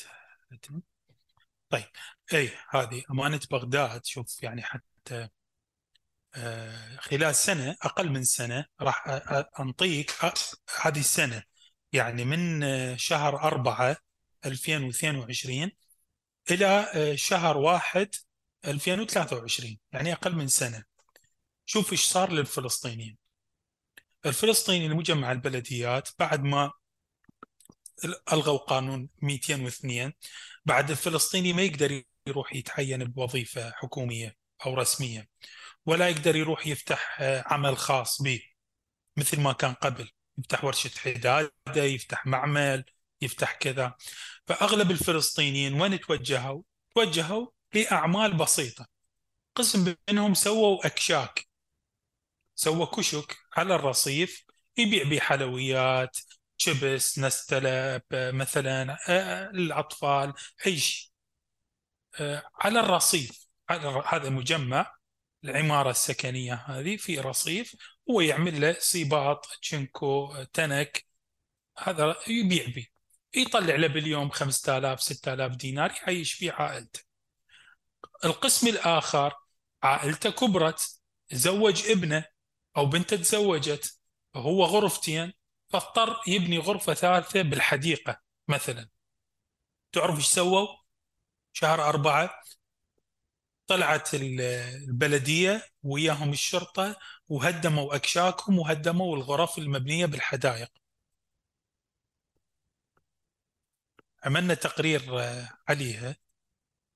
وهذه الصور منشورة عفوا 16 مارس. وفي فيديو طبعا رابطة فلسطيني العراق نشرته شفلات جرافات وتهدم تهدم تهدم والناس واقفين صافنين دولة فلسطين مساكين. لا يقدر يعترض ولا يقدر يقول ليش ويشوف ماله بأنه وين يروح يعني. فكتبنا عنها والناس العراقيين ضجت. يعني هذا موقف آه الحمد لله مثل ما ذكرنا بداية حديثنا المجتمع العراقي أصيل.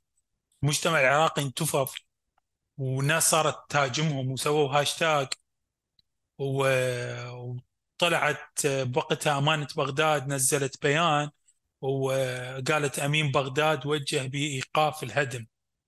بس بعد إيش إيقاف الهدم؟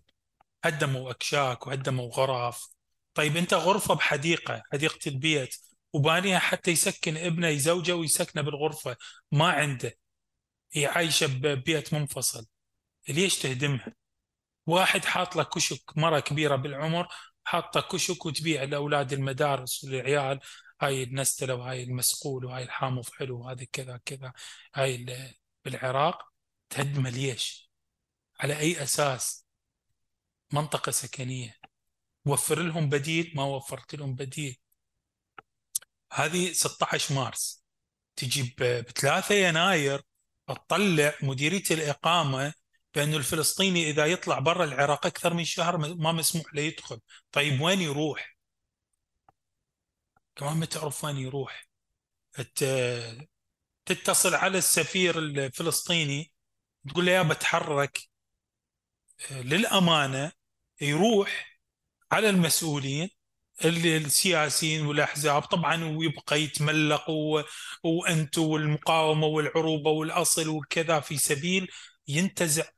منهم حق آه، أو ياخذ مطلب ويوعدوه اي وصار خير وتدلل وتأمر وكذا. بعد كل شيء ماكو نهائيا. لا شيء.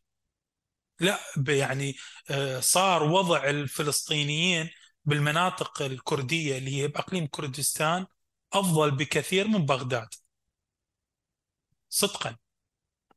يعني حتى صار آه، يعني قبل أيام زار آه، زياد النخاله آه، بغداد وطلعوا بشارع فلسطين عملوا شارع فلسطين هو أحد أشهر شوارع بغداد وحاليا هو معقل للميليشيات. فبمنصة يوم القدس اللي يعملوه الإيرانيين آخر جمعة في كل رمضان فواحد كتب قال يعني معقول ما حد بلغ زياد خالة قال له بأنه على بعد عدة كيلومترات في آلاف الفلسطينيين يعانون. وصي وصي الجماعة قول لهم يابا عينكم على ربعنا آه، آه، فكوا يا أخي منهم فكوا ارحموهم. يعني وخاصة بين هم ناس يعني أنت ما تتحدث عن جالية يعني آه، أي جالية ناس محترمين مثقفين متمدنين. ما عندهم مشاكل. آه، لا فد يوم تسجلت مثلا مشكلة آه، بحق أحد منهم بالعكس. آه، بس هذا الاستهداف أني أفهمه يعني بشكل مباشر. هو تحت دافع رئيسي وهو الدافع الطائفي. طائفي. تطلع تطلع الطائفة يعني فعليا على مستوى ممارسات طائفية قد بتصير عمياء إنه حتى يعني العراق مش بلد مئة ألف يعني ال 4000 يكونوا مشكلة يعني آه، مش عم نحكي على على على مليون ونص فلسطيني ولا بنحكي على مئات الآلاف ولا بغداد 9 مليون بغداد 9 مليون سكان. وبنحكي 4000 يعني أنت تخيل أنا برب أنت وأنت بتحكي بالأرقام بضل أذكر حالي إنه إحنا بنحكي على 4000 أو أقل حتى اليوم بهذا الشكل. آه، آه، كانوا 41 صاروا 4000 واضح لي إنه 36 ألف هدول نجوا بشكل ما أو ممكن يكونوا بيعانوا بمعاناة أخرى بس على الأقل نجوا من من اللي قاعد بصير اليوم من شيء ما. هدول الأربع ألاف آه، اللي مخليهم موجودين جوا بتقديرك أو بمعلومات هدول أوضاعهم الاقتصادية عدم وجود بدائل بس كمان صار واضح لي شفت أنا بتقارير وهلا أنت عم بتأكد لي قضية إنه في مصير أبنائهم في جزء منهم عم بيستنوا مصير أبنائهم أو يسكروا أو يتم الإفراج عن أبنائهم. بس شو الأسباب الأخرى اللي بتخلي الأربع ألاف هدول لساتهم موجودين؟ أو بتمنعهم من الرحيل؟ أه الأربعة آلاف الأغلبية مقدمين طلبات لجوء. يعني بما فيهم زميل صديق صحفي فلسطيني مقدم طلب لجوء مقدمين طلبات لجوء من سنوات وبانتظار بانتظار رسالة هم يسموها بالعراق الرقم. يعني من تسأل فلسطيني أنت ليش باقي؟ يقول لك والله أنتظر الرقم. الرقم يعني يقصد بانتظار message يوصل من الأمم المتحدة بأنه من مفوضيه اللاجئين بأنه تعال شفنا لك فلان بلد تروح عليه. طبعا هنا الفلسطيني ما مخير. البلد اللي يطلع له يعني عليك يا الله يعني باي بلد يطلع. احتمال يطلع بأفريقيا بآسيا بأوروبا بأمريكا اللاتينية بأي مكان يطلع. ما له يعني ما عنده ترف الاختيار. كلهم مقدمين آه، بس بالسنة طبعا بالسنة إذا آه، يعني آه، بعثوا رسالة الخمسة ستة رحمة يعني صار فترة أصلا ما توصل لأحد رسالات من عندهم لهالدرجة هذه. بسبب طبعا يعني خاصة بعد النكبة السورية والنزوح السوري وغيرها وغيرها تفاقمت الأمور أكثر بهالإطار هذا.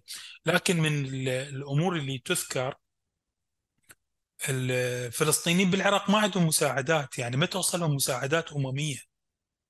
يعني بهالسياق من صار النزوح آه، على سبيل المثال نزحوا فلسطيني الموصل.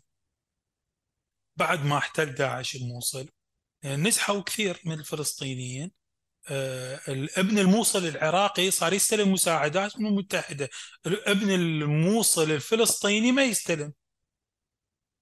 لأنه هو مو مدرج والله ما عنده مستمسكات ما عنده أوراق ثبوتية. فصار هذا تجي مساعدات وذاك ما تجي مساعدات.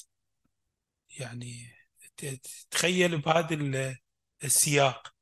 أنا شفت يعني شفت الأخبار حتى على مستوى فلسطين حتى على المستوى الفلسطينيين اللي انتقلوا لسوريا قسد ميليشيا قسد آه، عملتهم بشكل إرهابي بكل معنى الكلمة. بما أنه أنت فلسطيني معناها أنت إرهابي أنت كذا كذا كذا كذا. وعملتهم بمستوى حقير. يعني آه آه هذه الميليشيا ولغاية الآن في فلسطينيين أبرياء آه تم اعتقالهم والتعامل معهم بشكل مسبق بدون اعترافات انت كذا فقط لأنه فلسطيني. موجودين في الهول في مخيم الهول.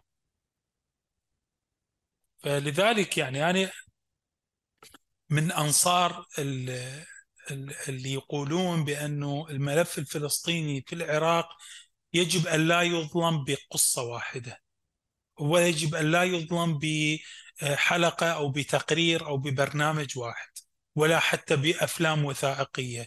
لا تكفي هذا الملف. كل عائلة فلسطينية في العراق كان لها قصة.